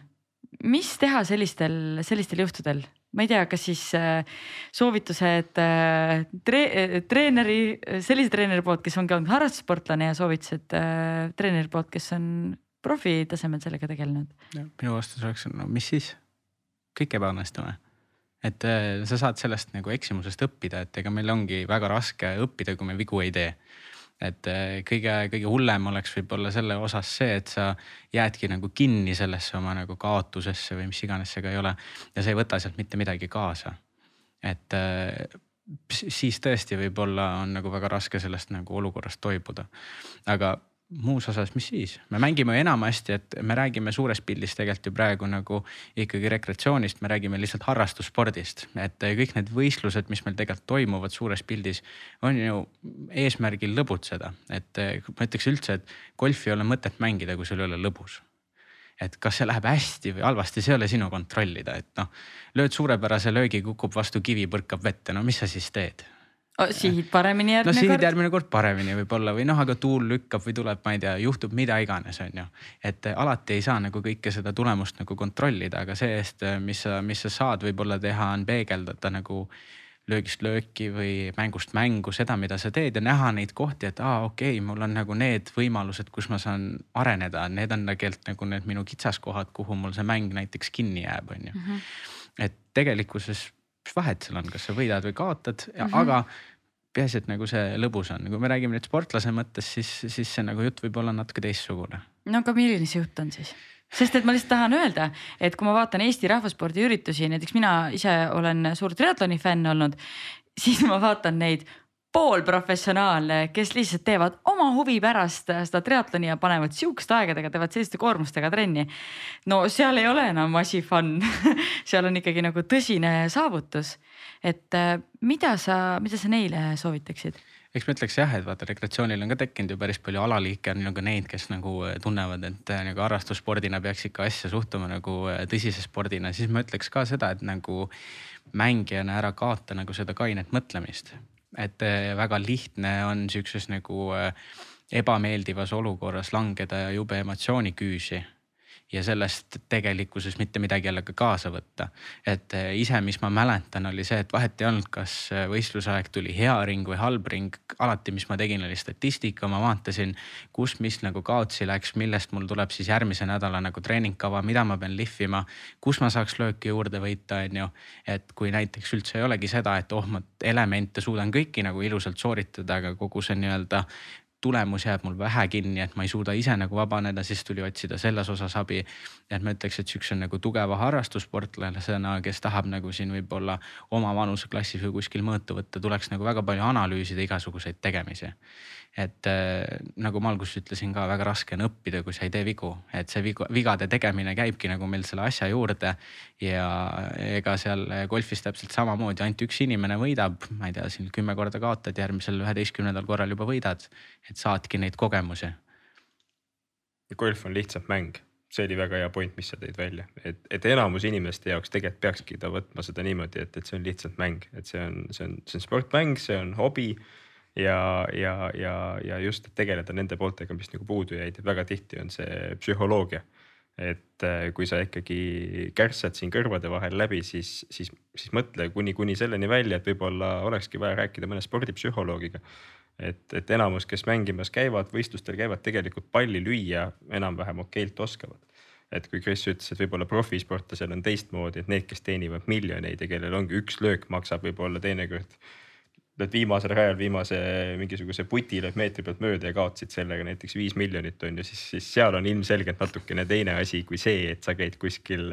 Ketšupi võistlust kuskil raekojas. Need pisarad on veits teised pisarad jah. absoluutselt, absoluutselt, et, et inimesed, kes, kes teenivad oma leiva niikuinii kuskilt mujalt ja käivad seal pigem enda mingisugust saavutusvajadust rahuldamas, et äh, et väga tihti elatakse jah hästi-hästi tugevalt üle seda, et, et äh, hoopis palju väiksemaid asju, et kaotasin naabrimehele või, või, või midagi sellist, et. et nagu Kris ütles, mis siis mm, -hmm. homme võidab üks äh, või, või teine, eks ole, ja täna kaotasin on ju, et no mis siis on, et, et äh, ega sedasama tegelikult joonistub ka väga päris palju välja nii-öelda nagu selle profituuri peal, et ega päris tihti on näha seda, kuidas kellegi mängija nagu äh, aasta lõikes on mingid perioodid, kus ta mängib väga hästi ja mingid perioodid, kus ta ei mängi, aga ta noh, lihtsalt kogu aeg üritab, et vaata, et tuleks nagu see üks, üks nagu hea nädalavahetus või see üks nagu sihuke hea võistlus. et golfis on ka nagu mingil määral õnne vaja, et alati oskustest ei piisa. et lihtsalt tulebki nagu see nii-öelda rajad vastu pidada, et ma ütleks, et ta pigem on tihtipeale sihuke nagu vastupidavus spordiala, kui et nagu sihuke maratoni jooksmine või see nii-öelda sprindi jooksmine, et nagu ei ole nagu üks kiire, üks hea sooritus, lõin ühe nüüd megapika löögi, et nüüd on asi tehtud, vaid pigem sa peadki nagu päevast päeva vastu pidama, eriti siis, kui sa mängid siukseid suuremaid võistlusi. ja see vastupidavus on ikkagi, ma ütleks väga suuresti kõrval vaja. Mm -hmm. kui sul ikkagi seal ongi kuus tundi vaja väljakul olla kogu aeg terav ja, ja maailma tipust rääkides, kus sa ei tohi põhimõtteliselt ringi jooksul ühtegi halba lööki endale sisse lubada siis see on väga väsitav mm -hmm. ja, ja see vaimutöö, mina, kes ma võistlen suhteliselt vähe, olen ka tundnud, et see vaimutöö, mida sa pead kogu aeg tegema, on füüsiliselt nii kurnav, et lõpuks seal kuskil neli tundi, kolmkümmend minutit on mängitud, sul on veel mingi kolm rada minna ja sa tunned, et ma lihtsalt ei jaksa enam mõelda, millega seda palli lüüa, et ma tahaks lihtsalt löön lihtsalt golfikepiga, et ma enam ei mõtle, mis kepiga ma lööma peaks, saaks lihtsalt minema, saaks lihtsalt maha siit raja pealt. kas jalaga võib ka lüüa? Ei või? see on üks reeglitest jah? jah, selles mõttes, kui keegi tuleb golfi õppima, siis golfi reeglite raamat on sihuke tore raamat. ma ikka peast ei mäleta, mitu lehte on, aga see jääb sinna kuhugi kolmesaja keskele. ja seal on päris palju igasuguseid toredaid reegleid, see ei hõlma siis nii-öelda varustust ka veel lisaks. et äh, mitte ära hirmutades kuulajaid, siis tegelikkuses neid nagu äh, reegleid, mida üks tavamängija peaks teadma, on mingi käputäis ainult. aga seal on jah, nagu ära menetletud igasugused siuksed nagu mitte tavapärased olukorrad, et kui ma löön jalaga palli, et mis siis teha, et kas see oli sihipärane või kogemata. ja noh, kuna ta tuleb nii-öelda see mäng ise pärineb siis äh, Inglismaalt, Šotimaalt, siis talupojaseaduse järgi iga asi on vaja välja kirjutada, et ei saa ju, ei saa ju sihukest nagu saksa õigussüsteemi teha, et on ühe, üks lause hõlmab kümmet asja, vaid seal on iga kord, iga olukord lahti kirjutatud, sellepärast ka see reeglite raamat tegelikult mm -hmm. nii paks on. aga kas sa ise oled seda raamatu läbi lugenud? Ei ole ma arvan, neid on suht vähe. kuiv lugemine, aga oriente.... õpid käigu pealt. ei, tegelikult seal on see, et tuleks õppida nagu selles reeglite raamatus orienteeruma uh. -huh. et äh, sealt on nagu võimalik äh, suht lihtsalt üles leida need nagu mingid absurdsed olukorrad a la. toon lihtsalt siukse suvalise näite, et lööd palli ilusti väljakule ära, siis tuleb vares, võtab noka vahele lendab minema mul on elus kolm korda juhtunud seda. kolm korda? jah, et noh, kohe kaugelt näed, vaatad, et mingi lind seal kõnnib ringi, järsku võtabki palli noka vahele lendab minema, et siis mis ma nüüd siis no, teen, on ju. no siis tuleb enam-vähem umbkaudu uus pall sealt nii-öelda mängu panna, kus see vares selle palli ära varastas ja läheb lihtsalt edasi, nagu poleks midagi juhtunud.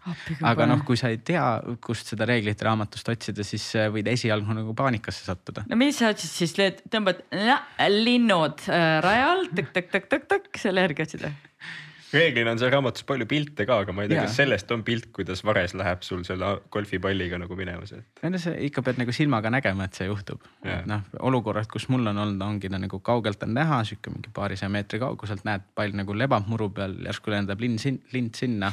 natuke aega vaatab vasakule-paremale, siis võtab palli noka vahele, lendab minema, järsku enam seda valget täppi seal muru peal ei ole. et noh kes see muu ikka ära sai võtta, kui see. see, et seda kolm korda on juhtunud, see on paras lotovõit, et see on umbes samasugune lotovõit nagu hole in one, ma ütleks, et. ära, see hell teema, ära sellest räägi. ja mitu hole in one'i sul on, Christopher? ei taha rääkida oot-oot, mina küll tahan rääkida, aga enne seda ma tahan teada, mis asi, mis, mida see tähendab, et sa oled PGA pro? Äh, PGA pro on siis äh, äh, sihuke tiitel, mis antakse välja äh, kõikide PGA kooli lõpetanutele et PGA äh, hõlmab siis tegelikkuses äh, profigolfarite assotsiatsiooni ehk üle maailma kõiki profigolfareid, et need võivad olla nii treenivad äh, prod, treenerid kui ka mängijad. et mina olen läbi käinud ja olen lõpetamas siis nagu viimast astet Inglise PGA-s selleks, et pälvida see nii-öelda täielik PGA pro tiitel ja olla osa nii-öelda siis Inglise PGA-st ja hetkel ma olen nii Eesti kui Inglise PGA sihuke nagu kandidaatliige ja aga mis ta nagu suures pildis nagu, kui ma kokku võtan, tegelikult on sihuke nagu kvaliteedimärk. Et äh, too lihtsalt näitabki sulle seda, et see treener, kelle juurde sa lähed, on saanud täiesti nagu golfipõhise vastava õppe. et äh, see on umbes võrdsustatav mingi bakalaureuse või magistrikraadiga mingisuguses nii-öelda erialas et mina õppisingi äh, seda PGA Pro ametit siis Birminghami ülikoolis või Birminghami ülikooliga koostöös. Äh, Inglise PGA on loonud siukse kolme-nelja-aastase programmi, mille jooksul sa siis äh, saadki põhili-, põhilised nii-öelda teadmised sellest, et mis hõlmab proks olemine, et seal on siis nii-öelda põhimõtteliselt anatoomiast kuni ma ei tea, majanduseni välja, kuna tihtipeale ka prod peavad olema iseseisvalt majandavad, siis tuleb nagu kõiki neid aspekte nagu õppida kas mängijad käivad ka seda läbi? Äh, mängijad ei käi. Äh, see on no, ikka treeneritele rohkem. suuresti treeneritele, tegelikkuses äh, mujal maailmas käivad ka mõned mängijad seda läbi lihtsalt sellepärast, et saada oma selles kohalikus nii-öelda olümpiakomitees mingisugune, mingisugune see sportlase tase. et see EOK, meil näiteks siis EOK on ju annab kohe pärast PGA nii-öelda kooli lõpetamist ja mingite nagu testide läbimist annab sulle siis nii-öelda viienda taseme. et samamoodi sa võid ka mingi mängija taseme selle nii-öelda kohal nagu pälvida, ma mäletan, mul oli seal kursusel seal sihuke neli-viis äh, Euroopa ja PGA tuuri hakatist, äh, kes nii-öelda võistlesid ja nad pigem tulidki sinna sellepärast, et saada enda kohalikus nagu omavalitsuses siis seda nii-öelda toetuspoolt, et nad saaksid nii-öelda natukene rohkem äh, toetusi võistlustele minemiseks et kas nad nüüd selle teekonna täiesti lõpuni käivad, ei tea, ma ei usu, kui neil nii-öelda võimalus on saada pilet kuhugi nii-öelda tuuri peale võistlema, et mängida mingisugust, mingisugust sarja kaasa, et siis nad suure tõenäosusega minetavad selle programmi, aga senikaua, kui neil seda kaarti ei ole, nad kindlasti nagu jätkavad selle kooliga mm. -hmm. ja samuti ka mujal maailmas iseenesest äh, väljaku juhiks äh, ei saa, kui sa ei ole PGA pro, et äh, sihuke nagu nõudmine on äh, just nagu Inglismaalt äh, mõjutatavatel riikidel. et selleks, et üldse olla nagu üks väljaku juht, sa pead PGA kooli läbi käima ja meil oli ka tegelikkuses neid õppureid nagu selles kursuses, kes ei tahtnudki treeneriks saada, nad ei tahtnud ka mängida nad tahtsidki väljaku juhiks saada. kes see on, väljaku juht? Äh, kasvõi näiteks nagu Piret Sepp. aa, nagu ja, CEO. jah, sisuliselt küll nagu CEO. põhiboss. jah, just põhiboss, main boss et äh, meil oli neid ka, kes äh, olidki saadetud äh, näiteks välismaa väljakute poolt sinna programmi just õppima selleks, et nad saaksid üks päev nagu selle koha üle võtta, et meil oli seal näiteks minu kursuses oli üks tüüp, kes peaks nüüd nagu hakkama lähiaastatel Abu Dhabi üht väljakut nagu juhtima. just selle mõttega ta sinna tuligi selleks, et saada kõik vajalikud teadmised, mis tähendab üldse nagu golfiklubi, golfitreeneri amet, mis tähendab golfiklubi juhtimine, kuidas kogu see asi nagu kokku käib. selleks, et saaks nagu seda asja nii-öelda run ida kuna Christopher on kogu aeg trennis, ma kasutaks võimalust, et ma ei saa väga tihti ta käest asju küsida. mina, kes ma olen nii-öelda täna kõige esimese abitreeneri kutsetunnistusega. Eh, kui ma tahaksin saada PGA Proks, mitu aastat mul minimaalselt selleks kuluks? Eh, minimaalselt eh, kulub selleks, oleneb nüüd, millises nagu riigis sa selle õppe valid, aga et läheb tihtipeale sihuke neli kuni viis aastat et see on nagu sihuke miinimumprogramm, millega nagu see asi läbitakse. ja päris paljudes riikides tegelikkuses ta ongi siis nagu võrdlustatud või võrdsustatud siis mingisuguse kõrgharidusega et, et noh, ta on täiesti nagu ülikoolis läbikäimine on see sisuliselt kui no. mu tänane tööandja kuulab seda podcast'i, siis ta juba vaikselt hakkab vaatama, et nelja-viie aasta perspektiivis tuleb uut tootejuhtu otsida vist oota, aga Inglismaal saab õppida, kus veel? sisuliselt peaaegu igas riigis on äh, nii-öelda PGA päris tugevalt esindatud, kuna me, meil siin nii Eestis kui ka muudes Baltikumi riikides on äh, PGA prodest sihuke veidikene nagu defitsiit, väiksus, siis meil oma sihukest nagu koolitamisprogrammi välja loodud ei ole kõige lähem äh, sihuke PGA kool, mis meil asub, on tegelikkuses siis Soomes ja sealselt on nõnda, et äh, PGA kooliprogrammiga alustatakse siis, kui mingi hunnik huvilisi on kokku tulnud, et a la neil on seal mingi kvoot ette kirjutatud, et Mhm. kakskümmend inimest a la, nüüd puusalt tulistan. et kakskümmend inimest umbes tuleb kokku ja siis me alustame programmiga. Versus suuremates riikides äh, iga aasta käib läbi nagu uus sats inimesi, kes nii-öelda õpivad siis proks minu, minu see lennu suurus oli seal umbes sihuke, ma ei tea, sada õpi, õppijat. et kolmes sihukeses nagu erirühmas me olime, et tegelikult oli päris palju alguses, kes alustasid, kui palju nüüd nagu lõpuni on käinud, selle ma ei teagi. eks ma nüüd järgmine aasta saan teada mis see maksab? äh,. Inglise PGA-s ühe aasta hind oli neli tuhat viissada poundi. ehk siis see jääb sinna mingi viie tuhande viiesaja euro juurde aasta. no osa pühade müristus ikka veits on. nojah, sihuke nagu Eestis mõni eraülikool või midagi sellist, et, et äh, aga jällegi, see on ju äh, panustamine iseendasse, et äh, kindlasti mina ütleks, et kogu see programm on seda aega kõige enam ja seda raha ka väärt.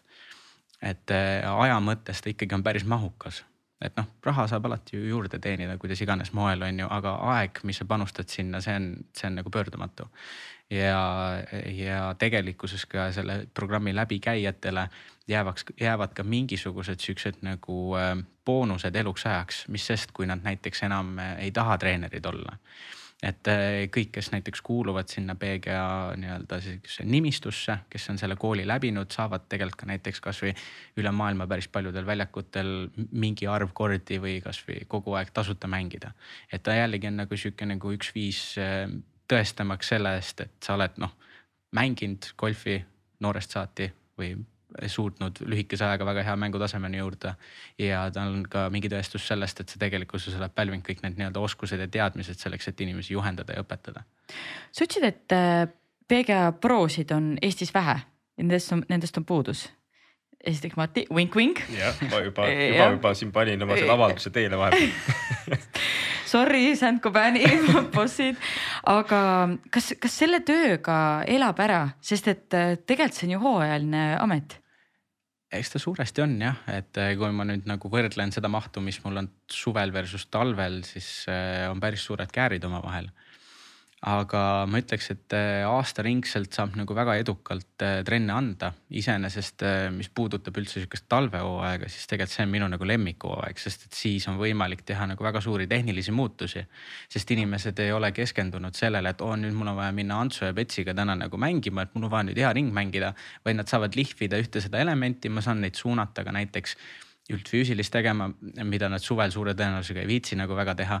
et, et siis see nagu areng saab olla kindlasti suurem, kahjuks kõigile nagu see info ei jõua kohale, kas siis nagu niisama kommunikeerides või lihtsalt ei tule läbi mm. -hmm. et, et see nagu talvine aeg on tegelikult just see aeg, kus nagu saaks neid muutusi teha. suvel on pigem see nagu plaastrite peale panemine, üritame nagu kiiresti mängima jälle tagasi saada ja kes tõesti tunneb, et ah, et mul ei ole nagu sellest suvest midagi, siis temaga saab kindlasti siukseid suuremaid muutusi teha. see on see hashtag easy fix on see äh, suvine värk. jah, aga noh, jällegi äraelatamise osas ka kõik oleneb ju natuke nagu sellest, et palju sul kulusid on, et noh, senikaua kuni nagu see omavahel klapitub, on kõik hästi, et mm -hmm. ma arvan, et mõned inimesed kindlasti elaks ära selle golfitreeneri ametiga, aga mina saan siiani olen nagu hakkama saanud lihtsalt neile, kes on hullud naabritega võistlejad, teate, talvel pange oma kehaosadele nimed. parem käsi on Ants, parem on Pets, siis on Peeter ja ma ei tea, Jüri ja minge võistke, võistelge nendega. Kereliastele võid, võivad panna, võib panna ka oma, oma, omamoodi nimed, nii et äh, sest ma olen, ma olen täiesti nõus, et äh, olles ka ise seisnud äh, aastaid korvpalliplatsi kõrval vaadates Eesti tollel ajal siis tippkorvpallureid, siis mind ikkagi väga üllatas see, et hooaja jooksul ja siis tehti kõvasti trenni ja kui tuli suvi, siis oli pff, nagu suurem osa ikkagi lasid täiega luusundit. jah ja. et see mentaliteet on midagi sellist, mis minu arust ei käi nagu tippspordiga väga kokku. ma, ma võiks rääkida selle Krisi jutu kohta väikse loo, et kunagi aastaid tagasi olin mina ka siis see Junsu, kes tuli keset suve ütles äh, Krisile, et ma, ma, ma ei olnud üldse väga palju trennis käinud tol hetkel ja ütles, et äh, kuule, mul avalöögiga siis see driver nii-öelda kipub slice'i minema ehk siis suure kaarega paremale, et, et teeme korda. et mul on järgmine nädal võistlus, võtan ühe tunni. noh, seal oli täpselt no. see hashtag easy fix, natukene kehaasendit muuta nipet-näpet, midagi must... suutsime ära teha. vaatasime siis mingeid teisi keppe ka seal natukene, ta ütles, et jumala viis pluss. Läksin mingisugused kuud hiljem tema juurde see oli siis, ma arvan, mingi oktoober või november, välishooaeg oli läbi saanud ja siis Christopher küsis, et mis plaanid sul tegelikult on et, äh, et, et kas tahad, et ammutame nagu kõik lahti, teeme nii-öelda, paneme, paneme selle mootori õigesti uuesti kokku. ja, ja, ja siis alustasime sellest, mille kohta ta kolm kuud varem, kaks-kolm kuud varem oli öelnud, et jumala viis pluss ja ütles, et nii, sa teed siin absoluutselt kõike valesti.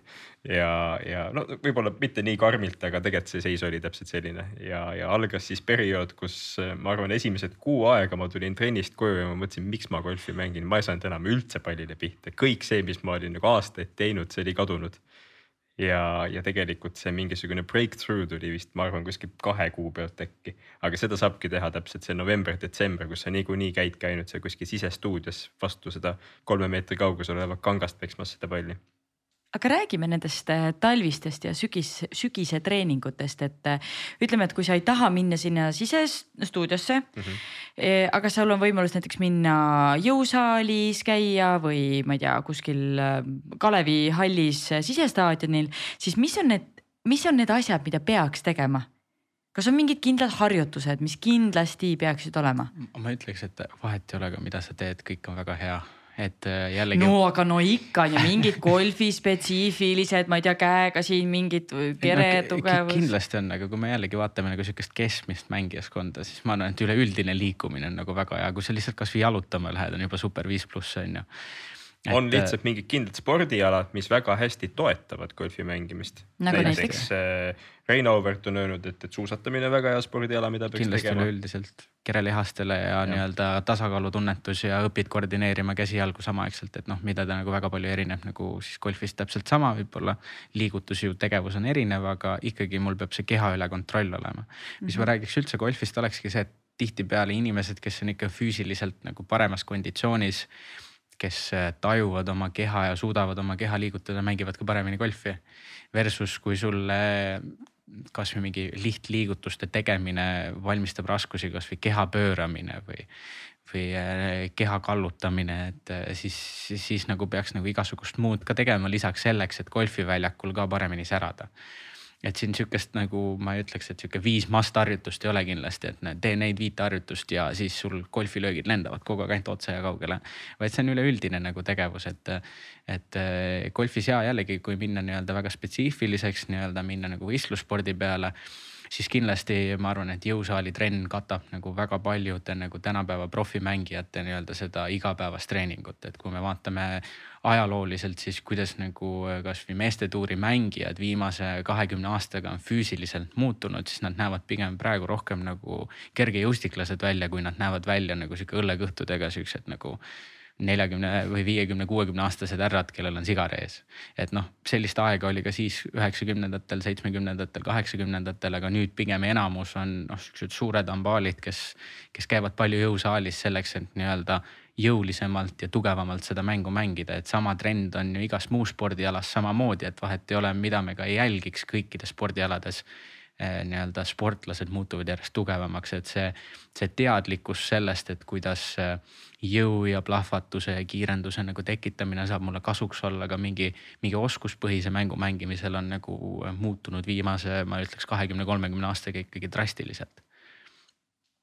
Aga jällegi, kui me nüüd vaatame harrastajaid, siis esiteks tuleks nagu keha veits nagu balanssi viia, et siis saab nagu rääkida ka nendest asjadest. Ja ma arvan, et mina kindlasti ei ole piisavalt pädev, et välja tuua kõiki neid jõusaali harjutusi jällegi, kui keegi tahab programmist nagu osa saada, mul on inimesi, keda ma saaks nagu suunata neid. et eh, mina pigem nagu saan aidata golfi mõttes, et ma saan ka võib-olla ära tajuda, näha, kus kellelgi võib-olla kitsaskohad on, aga jällegi see iga asi oma nagu ala spordi või nagu professionaalile oli piisavalt hea vastus ja, et kas, kui lähed Youtube'i paned uh, five exercises for uh, golf players to increase uh,, ma ei tea, mingi overall fitness. ma arvan, tuleb mingi nelikümmend tuhat mingit videovastet, kõik võid ükshaaval läbi vaadata, aga kas sa sealt midagi rakendada ka saad? ja sealt sa jõuad jälle sellesse, et miks mitte minna Youtube'i ja how to, sellepärast et, et sealt sa saad näiteks, sa võid panna see golfari mingisugused jõusaali harjutused ja siis sa saadki sealt oma need täpselt nagu sa ütlesid, viis harjutust. Siis sa lähed jõusaali ja sa teed seda viite harjutust seal lihtsalt kaks-kolm korda nädalas aga mis on nagu jõusaalis käimise või igasuguse trenni nii-öelda põhialus on see, et sul peab olema nagu tasakaal on ju, et kui sa ainult ühe poole lihaseid treenid, sa oled paremakäeline, sa lööd paremalt vasakule, siis. sa ei saa nagu nii, et sa ei tee neid harjutusi ka teistpidi ja viib mingisuguseid balansseerivaid harjutusi juurde mm. -hmm. et, et see on nii suur risk lihtsalt äh, Youtube'ist võtta need viis harjutust ja minna hakata ainult tuimalt neid tegema ja mõelda, et ma nüüd järgmine aasta löön avalööki kahesaja meetri asemel kolmsada meetrit. ma ütleks, et tegelikult nagu vaadata ikka võib ju ega mis see mööda külgi maha ei jookse, omaette küsimus, kas neid nagu jäljendama peaks. et noh, ma nüüd nägin mingit ülihead videot, mingisugune välismaa treener, nimekas treener rääkis, oo tee neid asju ja siis nagu kõik hakkab välja tulema. muidugi võiks ju vaadata üritada aru saada, miks neid võiks teha, kes need võiks nagu teha, millise nagu kehatüübi, millise liikuvusega mängijad on ju. ja siis panna nagu korra ennast nagu sinna olukorda, et oota, kas see oleks nagu mulle ka kasulik. ja tegelikult on ju tore, kui mul tuleb näiteks trenni treenitav, kes on nagu asjast teadlik mm, -hmm. kes nagu jälgibki neid asju, kes on nagu kursis. ma saan oluliselt nagu sisukama vestluse temaga luua, sest ta küsib mult küsimusi vastu, on ju.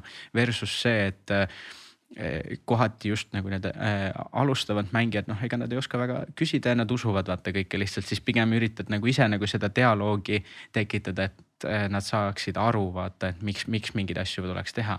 et ma ütlen, et alati see vaatamine on nagu tore, aga kas nagu kõike järgi tuleb teha, ma ei usu Mm -hmm. mõnikord leiad kuulda, mõnikord mitte.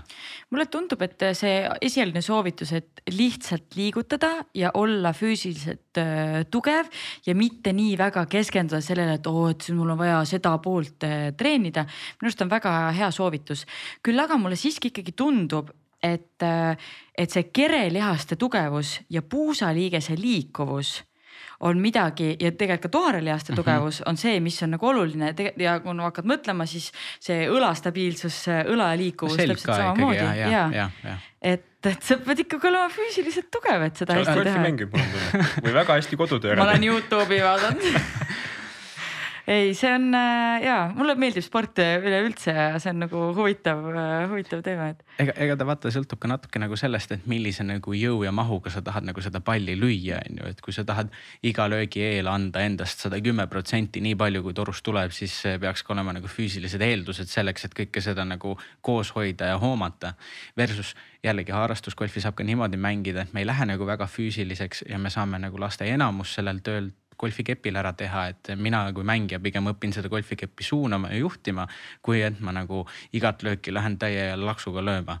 aga jah, mingist hetkest kindlasti see nagu taseme tõstmise eesmärgil oleks vaja ka nagu seda üldfüüsilist nagu parandada, ilma selleta on nagu siukse nagu täieliku potentsiaalini jõudmine võimatu ega seda golfipalli polegi vaja tegelikult jõuga lüüa, et, et palli lööbki golfikepp ja mida kiiremini see golfikepp liigub, seda kaugemale see pall läheb, et meie asi mängijana on anda siis see õige trajektoor ja, ja võimalikult kiiresti seda palli äh, või seda laba liigutada, et see pall kaugele lendaks, aga ütleme selle treeningu ja jõusaalitreeningu point on kindlasti suuresti ka see, et vältida mingisuguseid vigastusi. et, et see ei ole kindlasti vähem tähtis. mis on peamised vigastused golfis? eks golfari küünarnukk, siis. mis see tähendab? Sarnaselt nagu tennisele, eks ikkane valest hoidest nagu tingitud suurest mahust ja võib-olla ka vähest treenitusest tekkivad vigastused.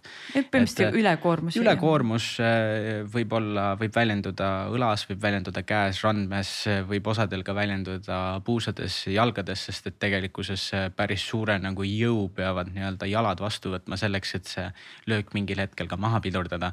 täiesti oleneb, mis kellelgi nagu see nõrk koht on aga tihtipeale ta ikkagi algab äh, esimese asjana nagu kehvast tehnikast, siis kehvast füüsilisest ja siis ülekoormusest. Et eh, kui neid nagu asju koos rakendada jube palju, et ütlemegi nii, et olen nagu oma üldise nagu füüsilise nagu unarusse jätnud, ei ole väga palju nagu tehnikale ka tähelepanu pööranud ja nüüd ma käin seitse korda nädalas, seitse kuud järjest kogu aeg golfi mängimas. siis suht suur tõenäosus on ikkagi, et sul tekib ülekoormus. ja golf eh, oma olemuselt on ikkagi hästi ühekülgne spordiala.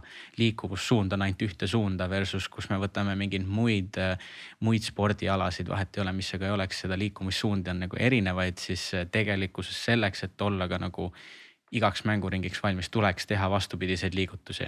aga noh, äh, jällegi üks asi, mida väga tihti sa ei näe, et kui meil on enamus mängijaid on paremakäelised, kui tihti meie klubi mängijad vasakult poolt näiteks palli löövad. kas nad üldse on elus proovinud kunagi vasakult poolt palli lüüa?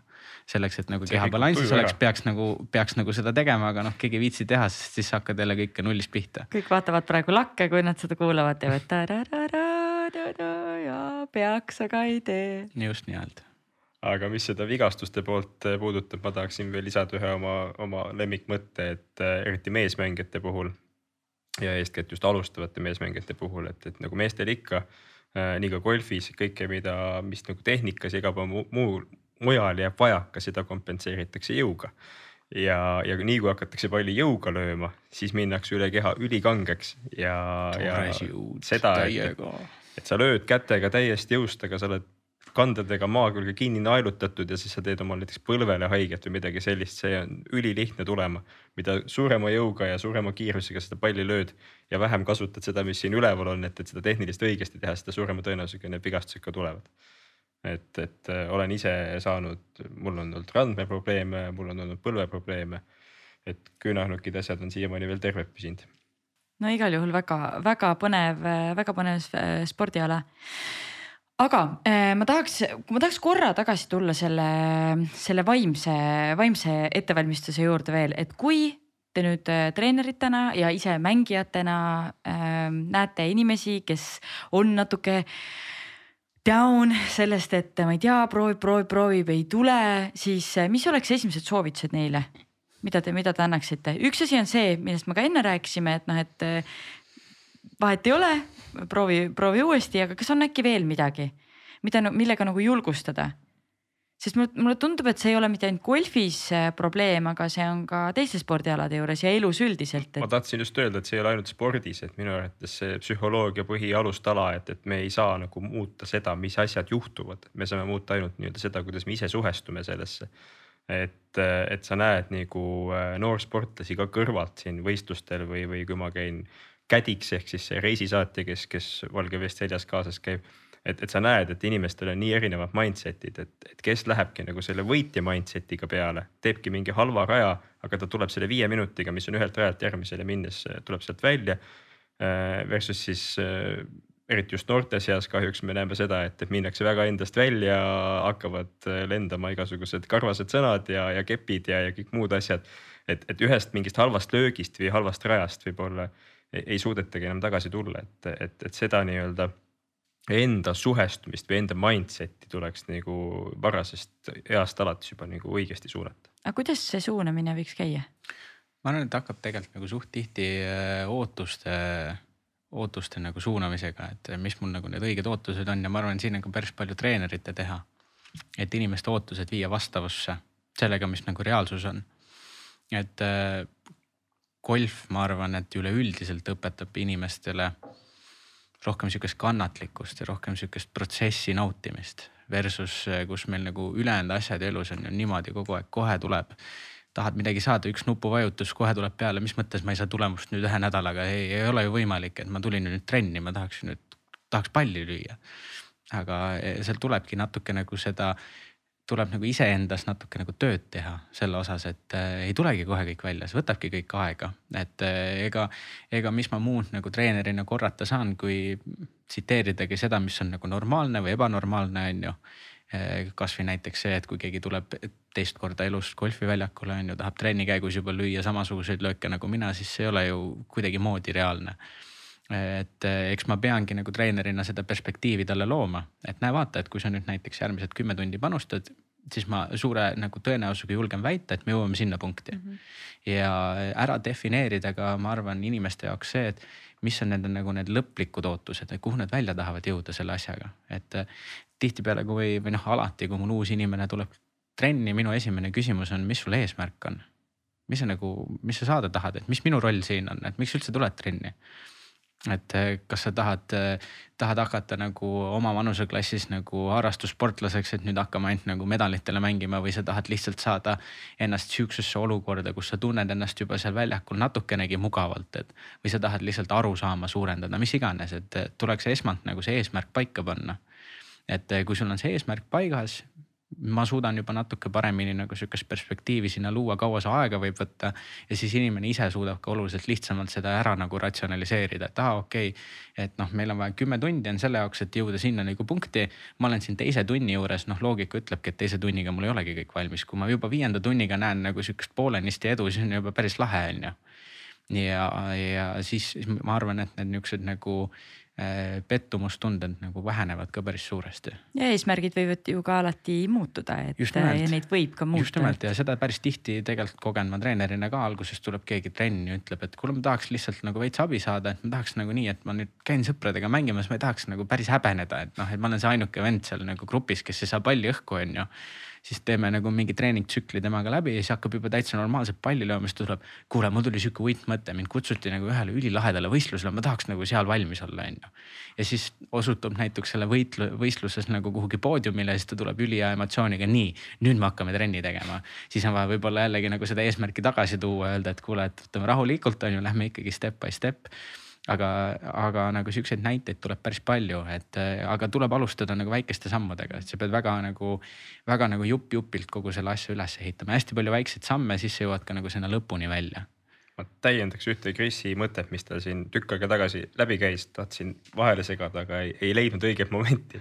et ma olen elus, nagu ma enne ütlesin, suht paljude hobidega tegelenud, et, et, et sihuke mitte võib-olla ülemäära tõsisel tasemel nüüd väga paljudega, aga, aga nii-öelda hobi korras igasuguseid asju proovinud ja golf on by far kõige raskem ja tehnilisem spordiala, mida ma siiamaani olen teinud. et seal jõuda sellesse punkti, kus sa, kus sa tunned sellest mängust juba nagu mõnu on, on, on, võtab ikka päris kaua aega, et, et noh, minu elu esimene kokkupuude golfiga oli, oli üks mingisugune ettevõtte demopäev, kus ma ei saanud palli sisuliselt maast lahti ja ma tulin sealt ära, mul sõbrad küsisid, et no kuidas oli, ma ütlesin täitsa mõttetu, mingi seitsmekümne aastaste spordiala, ma ei hakka elu sees mängima. noh, long story short, siin ma olen aga, aga, aga üks, üks, üks teine jällegi Christopheri mõttetera minu arvates oli, oli see, et, et, et see, see golf, golfiõpe, see on elukestev õpe põhimõtteliselt, et sa ei saa kunagi nagu, nagu see maailma parimaks on ju, et et aga, aga see, et see, see kõik võtab nii neetult kaua aega, ei tähenda seda, et kogu see protsess ei võiks olla tegelikult nagu fun ja, ja, ja äge, et, et sul lihtsalt ongi täpselt seesama point, et, et sul, sul nagu see eesmärgid lähevad suuremaks, sinu see rahulolu tase läheb kogu aeg paremaks, kui sa alguses vaatad, et suudaks iga raja mängida alla kümne löögi siis ühel hetkel oled sa sellel tasemel, äh, kus Christopher lööb, lööb ühe löögi üle barri ja ta mõtleb, et, et no pagan küll, see rada läks ikka nässu, on ju. nii, mis see barr on? siis nagu normatiivtulemus ühele rajale, et äh, golfiväljakutel on nagu äh, paika pandud mitme löögiga keskmiselt, üks mängija peaks selle nagu äh, raja ära läbima. enamus mängijaid ei tee seda mitte kunagi oma elus aga see annab nagu mingi indikaatori. olenevalt siis raja pikkusest on ka vastav baar ehk siis mitu lööki. Äh, enamasti on nagu kolme, nelja, viie või isegi kuue löögi rajad. ehk siis äh, näiteks kuni kahesaja meetriseid radu peaks läbima kolme löögiga. ja nüüd siia seondub ka natuke nagu see handicap'i süsteem, millest me ennist rääkisime et see on siis niisugune nagu mängija indikatsioon, mis võrra, võimaldab harrastajatel mängida üksteise vastu või kasvõi harrastajal mängida minu vastu. et mina, kes ma olen seal handicap nii-öelda nagu nulli juures ehk peangi mängima reaalselt rajapaari vastu, siis alustav mängija peab mängima rajapaari pluss tema handicap'i vastu ehk kõik, kes alustavad, alustavad viiekümne neljalt. ehk kui sa tulistad siis sada kakskümmend, sada kakskümmend kuus matsu, siis on umbes sama nagu mina mängin seitsekümmend kaks lööki ja vaata, siin tekibki nagu see golfi nagu sihuke põnev eh, hetk, et seda kahjuks nagu kohe alguses nagu seda green card'i, pärast green card'i läbimist ei taju, see tuleb esimesed siuksed nagu hetked tulevad alles mingi esimese aasta või teise aasta jooksul. aga siis sa hakkad alles nagu aru saama, oo, kus see nagu golfi fun peitub, et ma nagu saangi seda oma handicap'i langetada. saangi kogu aeg järjest paremini ja paremini mängida ja siis, kui lähed kuhugi, ma ei tea, seltskondlikule nagu koosviibimisele tuleb jututeemaks, et oo, ma mängin ka golfi on ju, siis hakatakse võrdlema, et kellel see suurem kühvel on, on ju, et kellel see väiksem handicap on. et täpselt sama, et siis äh, mida madalamaks sa mängid, seda suurema nagu uhkusega sa saad justkui nagu harrastajana öelda, et oo, ma mängin alla kümne, et see tihtipeale on sihuke nagu soovitud, soovitud nii-öelda handicap'i piir, mida kõik tahavad saada. maagiline piir. ma lihtsalt igaks juhuks ütlen, et ma tegelikult tean, mis asi on baar, ma lihtsalt, ma lihtsalt mängisin Clueless Newbit äh,. diskis on täpselt samamoodi. ja tahtsin just öelda, et Albert ju alles käis siin ja seletas seda, mis see baar tähendab, et ma tean küll. ei, tegelikult on, äh, ma ise olen käinud ka discgolfi paar korda mängimas, et äh, mu elukaaslane on mingi hull fänn ja siis, siis ta ikka vahepeal tiri, tirib mu kaasa, et mul on isegi oma kettad wow.. aga teie seda, seda, seda golfi ma pole veel jõudnud äh, mängima, nii et, aga you never know. tule. jah, tasub tulla. äkki võidad selle auhinnamängu seda annab korraldada aga ma tegelikult annaksin nüüd sõna fännidele. ja esimese, esimene fänni küsimus küsib äh, äh, fänn Sandra, mis värk selle hole in one'iga siis oli? Hole in one'iga millest me enne rääkisime, mis see Hollywoodi teema oli? see küsimus oli saate ajal vist. ja see oli siin kuidagi nagu tekkis siia, ma ei tea no,. iseenesest äh, enamus nagu golfimängijatele sihuke nagu üks suur äh, saavutus on lüüa elus noh, üks hole in one ära või osadel õnnestub päris mitu, meil on äh, raes üks mängija, kes õnnestus, kellel õnnestus lüüa ühe ringi jooksul kaks tükki wow.. mis on tõesti erakordne asi. sa võid korra öelda inimestele, mis asi see hole in one on? Hole in one on siis nagu ühe löögiga auku mm, -hmm. et tundub küll, et noh, suht lihtne on ju, mis siis on, et lipp on seal ja pall on siin, et löö ära ainult. aga tegelikkuses see nagu sisselöömisvõimalus on päris nagu väike. ja miks ta hell teema on, on sellepärast mina ei ole ühtegi kunagi löönud. aga oled lähedal olnud? no ei, mitte vähe nagu, nagu Jaan Martinson kunagi ütles, et kõik löögid, mis ei ole hole in one'id, on ebaõnnestunud löögid, sellest eesmärk on ju pall auku lüüa nii et äh, me oleme Christopheriga teinud ainult ebaõnnestunud lööke. sul pole ka õnnestunud või? ei ole muidugi. ma siis norin kohe ka, et kolleeg Torel ei ole ka kunagi teinud, kes on vast nagu mingi neliteist, viisteist aastat ja sa ei ole ka. no aga teil on võimalus veel ju? ei muidugi on, alla ei ole andnud. väga õige, tubli, alla ei tohi anda nii mm,, Henri tahab teada, suurvõistlused Euroopa tasandil, kas oleks reaalne Eestis korraldada? Ja ikka meil kusjuures tegelikkuses on toimunud mitmeid äh, võistlusi siin Eestis, äh, Euroopa meistrikaid nii äh, täiskasvanutes kui ka see aasta tegelikkuses oli seeniorite Euroopa meistrivõistlused toimusid Tahkurannas.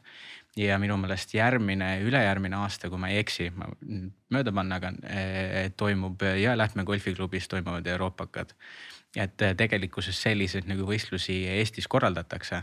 Euroopa meistrivõistlused? Euroopa meistrivõistlused amatööridele. ja, ja et äh, mis tegelikult näitab, äh, tihtipeale tulevad sinna kokku siis Euroopa nagu parimad mängijad, kellest päris suur osa tegelikult ka nagu lõpuks lähevad profituurile mängima, et me, on võimalus tegelikult nagu kodumaal näha neid mängijaid, kes kunagi hakkavadki nagu neid erinevaid sarjasid nii-öelda siis võitma suures pildis. et siit Eestist on läbi käinud päris mitmeid, päris mitmeid mängijaid, kes, kes on osutunud nagu siis kas Euroopa tuuril või siis PGA tuuril, mis siis on, üks on, üks on nagu Euroopas, teine on USA-s, väga edukateks mängijateks. väga lahe, jääme ootama mm. -hmm aga kas ma mõtlen, et eh, nende suurturniiride jaoks on vaja ka mingisuguseid mingit, ma ei tea, teha mingit infrastruktuuri veel Eestisse juurde või? meil, meil need nii-öelda väljakulud, eh, nagu ma ütlesin, on ilusti olemas, et ega tegelikult see ongi lihtsalt korraldamise küsimus, et kuidas, kuidas inimesed eh, siia saada ja kuidas neile nagu majutust pakkuda, et tegelikult mm -hmm. see nagu korraldamine on suhteliselt lihtne, et kuna, kuna amatööridele siukseid nagu suurvõistlusi tihtipeale nii palju ei tulda vaatama, et meil oleks vaja siis nagu tribüüni tribüünid ja asjad välja ehitada, siis äh, tegelikult saab nagu väga lihtsasti neid nagu korraldada. eks ta on see lobitöö nagu igal teisel spordialal lihtsalt, et see siia Eestisse saada. Piret, ma usun sinusse küsin veel, et nimeta inimese parim omadus, mille golf eluteele kaasa annab. ma ütleks ühe põhiväärtustest, ma arvan, mis äh, ma ütleks kaks kokku isegi, viisakus ja ausus on nagu põhilised äh, golfi alustalad ja ma arvan, et äh, see illustreerib ülihästi just neid lastetrenne. et kui vaadata enamus neid lastetrennides käijaid, neid lapsi, nad muutuvad tegelikult väga varajases eas väga viisakaks, väga ausaks ja ma arvan, et need on, need on sellised nagu isikuomadused, mis suures pildis meie ühiskonnas on tegelikult nagu hääbumas. Et väga-väga eh, kaugelt näed juba tegelikkuses ära mõne golfimängija lapse, kes trennis käib, et et vahet ei ole, kus ka ei ole, tuleb kuhugi tuppa sisse, müts peast ära, kõigile tere, hästi viisakas, hästi sihuke nagu eh, korrektne versus eh, teame ka neid väga palju neid vabakasvatusega lapsi, et kes tekitavad sihukest nagu peavalu pigem. et ma arvan, et need on nagu siuksed ühed põhiväärtused, mida nihuke, kas siis nagu nii-öelda tavaühiskonnas inimene võiks nagu kaasa võtta või oma lastele edasi nagu anda, et miks üldse nagu suunata näiteks äh, golfi mängima oma lapsi? Vaata kui hea, võtad lapse golfimängule kaasa, siis äh, elu, elu ümber sinu, sinu ümber äh, õpetab nad ja siis saad öelda, et ei mina ei sunni sind tere ütlema, see on lihtsalt, see on niimoodi tehakse, vaata. onu Vello ütleb, et sa pead ütlema või treener ütleb. kaval, kaval ja tegelikult äh, kolmas küsimus. ma oleks siia lisanud, palun, palun, palun, palun, palun. omast kogemusest räägin, on, ma ütleks enesedistsipliin sellepärast, et golfiväljakul, äh, eriti võistlusolukorras, sa pead olema kogu aeg suutma selle rahu säilitada. teed mingi väga halva löögi teed teise halva löögi sinna otsa, siis sa pead suutma sellest välja tulla, sest kui sa sellest välja ei tule, siis sa jäädki neid halbu lööke tegema. ja, ja no mina alustasin golfi mängimist vist umbes, ma ei tea, kahekümne viieselt äkki ja ma olen ma ütleks, tohutult palju muutunud, et mul viimastel aastatel öeldakse kogu aeg, et Martti, sa oled nii rahulik inimene, siis ma mõtlesin, et huvitav, sa mind esimesed kakskümmend viis aastat ilmselt ei tundnud, et. et kõik äh, pereliikmed ja vanemad sõbrad räägiks pigem vastupidist juttu.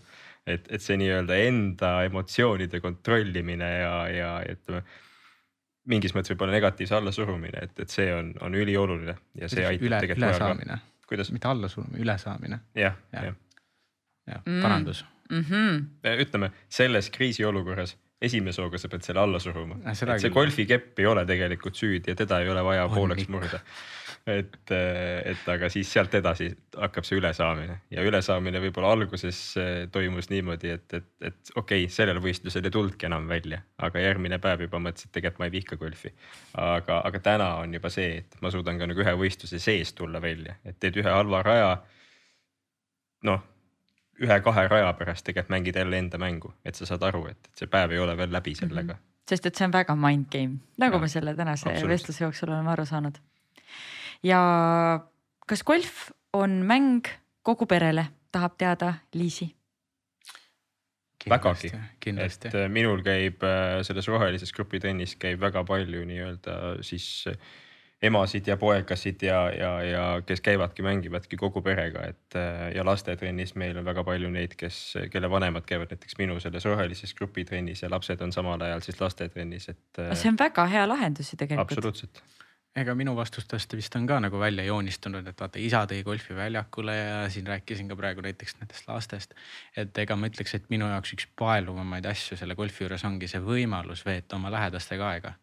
et selles äh, eluolus, kus me tänapäeval oleme, kus mõnikord võib olla inimestel on nii palju tööasju, et nad võib-olla on kakssada päeva aastast on nagu reisil. et just need nagu suvekuudel, mingid suveõhtud, lähme üheskoos nagu golfi mängima, see neli tundi, kus sa oled lihtsalt seal looduses oma inimestega, räägid juttu, teed nalja, tuleb mäng välja nii, kui see tuleb lihtsalt on nagu fun ja saab nagu koos aega veeta. et äh, selliseid siukseid nagu mälestamatuid äh, hetki on kujunenud läbi aastate päris palju ja ma arvan, et golf kindlasti annab kõikidele inimestele, kelle jaoks nagu need pereväärtused on tugevad, annavad nagu siukse nagu hea hobi kus nagu üheskoos aega veeta. et eh, nii palju, kui mina tean eh, meie nagu golfiringkonnas mängijaid, enamustel ikkagi kõigil lapsed mängivad kas nüüd nagu kogu aeg, aga nad ikkagi natuke käivad ja ma arvan, et see on nende vanemate enda jaoks ka nagu sihuke super koht, kus nagu lapsi tuua selleks, et nendega koos aega veeta, et nad saaksid ka noh vahelduseks arvutis istumise asemel nagu õues olla. Paljud on öelnud, et see on ainus aeg nädalas sisuliselt, kui lapsed kuskil füüsiliselt midagi teevad see on päris kurb. Ah, reaalsus. aga me teeme endast parima, et seda muuta. tubli poisid, päriselt ka, pange teiega, tegelikult. ja, ja see... ma tahtsin öelda veel seda, et need generatsioonid, et me ei räägi täna enam ainult nagu vanemad ja lapsed, et väga palju on näha juba ka nagu vanavanemad ja lapselapsed Mm -hmm. et vanavanemad käivadki siis täna näiteks äh, seal noh, noorteklassides äh, selleks samaks kädiks ehk siis selleks reisisaatjaks on ju kaasas. kes on ise võib-olla siis üheksakümnendate algusest peale mänginud ja, ja, ja täna enam nii-öelda ise võistlevsportlased ei ole aga, aga käivad ja annavad siis oma seda nii-öelda wisdomit ja, ja tarkust kaasa ja ma usun, et, et seal võibki teinekord olla see, et kui oma vanematega muutuvad lapsed väga emotsionaalseks raja peal, siis vanavanematega suudetakse jääda rahulikuks ja need vanavanemate õpetussõnad ilmselt jõuavad oluliselt paremini selles kriisiolukorras kohale ma korraks täpsustan, et kas lapsed lähevad närvi või on vanemad need, kes seal raja kõrval närvi mõlemad, mõlemat pidi. seal on, on ka neid lapsevanemaid, kes elavad rohkem lapsemängu sisse kui äh, laps ise oh,. ja on ka vastupidi, et ikka leidub kõiki. aga mis ma tahtsin veel lisada, on kindlasti, kui vaadelda mingeid äh, muid äh, riike, kus see golfimäng on nagu põimunud ühiskonda nagu väga pikka aega, siis tegelikult golfimäng nendes riikides ongi nagu sihuke asi, mida antakse põlvest põlve edasi, et a la noh, Inglismaal sihuke hästi tavapärane traditsioon ongi, et a la laupäevane või pühapäevane golfiring isa ja vanaisaga. et see ongi nagu üks koht, kus me nagu lähme nii-öelda generatsioonidega koos golfiväljakule, veedame seal ühe korra nädalas aega ja noh, aitab meil luua nagu paremaid sidemeid, et tegelikult, tegelikult nagu seda väärtust on päris tugevalt nii-öelda siia golfi lisatud meil on lihtsalt see golf võib-olla natuke liiga noor veel Eestis mm, -hmm. et noh, esimesed võimalused tekkisidki alles üheksakümnendate alguses, et see esimene põlvkonnaring hakkab alles nüüd täis saama. eks see sõltub nüüd mängijatest, et kuidas nad ise suudavad seda siis eda, edasi anda, et teie. siivet tõsta jah, golfi iivet tõsta, täpselt nii. aga poisid, äh, me oleme jõudnud viimase segmendi juurde ja see on äh, soovituste nurk nii et ja need soovitused võivad olla seotud golfiga, aga võivad olla ka seotud, ma ei tea, millega iganes te soovite. üks teos, mida iga inimene võiks tarbida, olgu selleks siis raamat, näidend, muusika, näitus, podcast. minul tuli selle peale kohe üks konkreetne raamat meelde, ma muidugi ei ole üldse ülemäära suur raamatute lugeja kahjuks viimastel aastatel aga, aga üks sportlane, keda ma olen imetlenud sisuliselt kogu tema karjääri vältel, on siis äh, Rafael Nadal. Ja, ja tema autobiograafia on, ütleme, see, see raamat nagu vapustas mind, see mindset, see võitja mentality, millest ma enne ka rääkisin, mis sellel mehel on, see on see on uskumatu, et äh, ja tema üks tsitaat oli siis, et äh, if you can't control yourself, why do you think you can control the game, et, et kui sa iseennast ei suuda kontrollida, et miks sa arvad, et sa mängust üle käid, see on nagu golfis minu arvates nagu nii spot on, kui üldse olla saab. et, et tennis ja golf, et üldse neid võib hästi palju võrrelda, et see on ülisuures, äh, ülisuurelt nagu tegelikult võitlus iseendaga, samamoodi need matšid on ülipikad ja, ja, ja ma ei tea, võtame Nadali Australian Openi finaali, kus ta oli null kaks kaotusseisus ja kogu maailm ilmselt ei olnud ühtegi inimest, kes, kes oleks arvanud, et ta sealt välja tuleb, et, et, et ta tuli. et, et, et see on väga äge raamat yeah., autobiograafiat ilmselt üldse kõige rohkem lugenud, kui, kui mõelda, mis, mis žanreid ma olen lugenud, siis see, see on kindlasti üks, mida ma julgen soovitada. vaheküsimus, kas sa Agassi Openit oled lugenud? Vaat ei ole jõudnud veel. Do it. aga, aga ma arvan, et sulle meeldiks ka, see on veits teise nurga alt, aga väga paeluv. Christopher.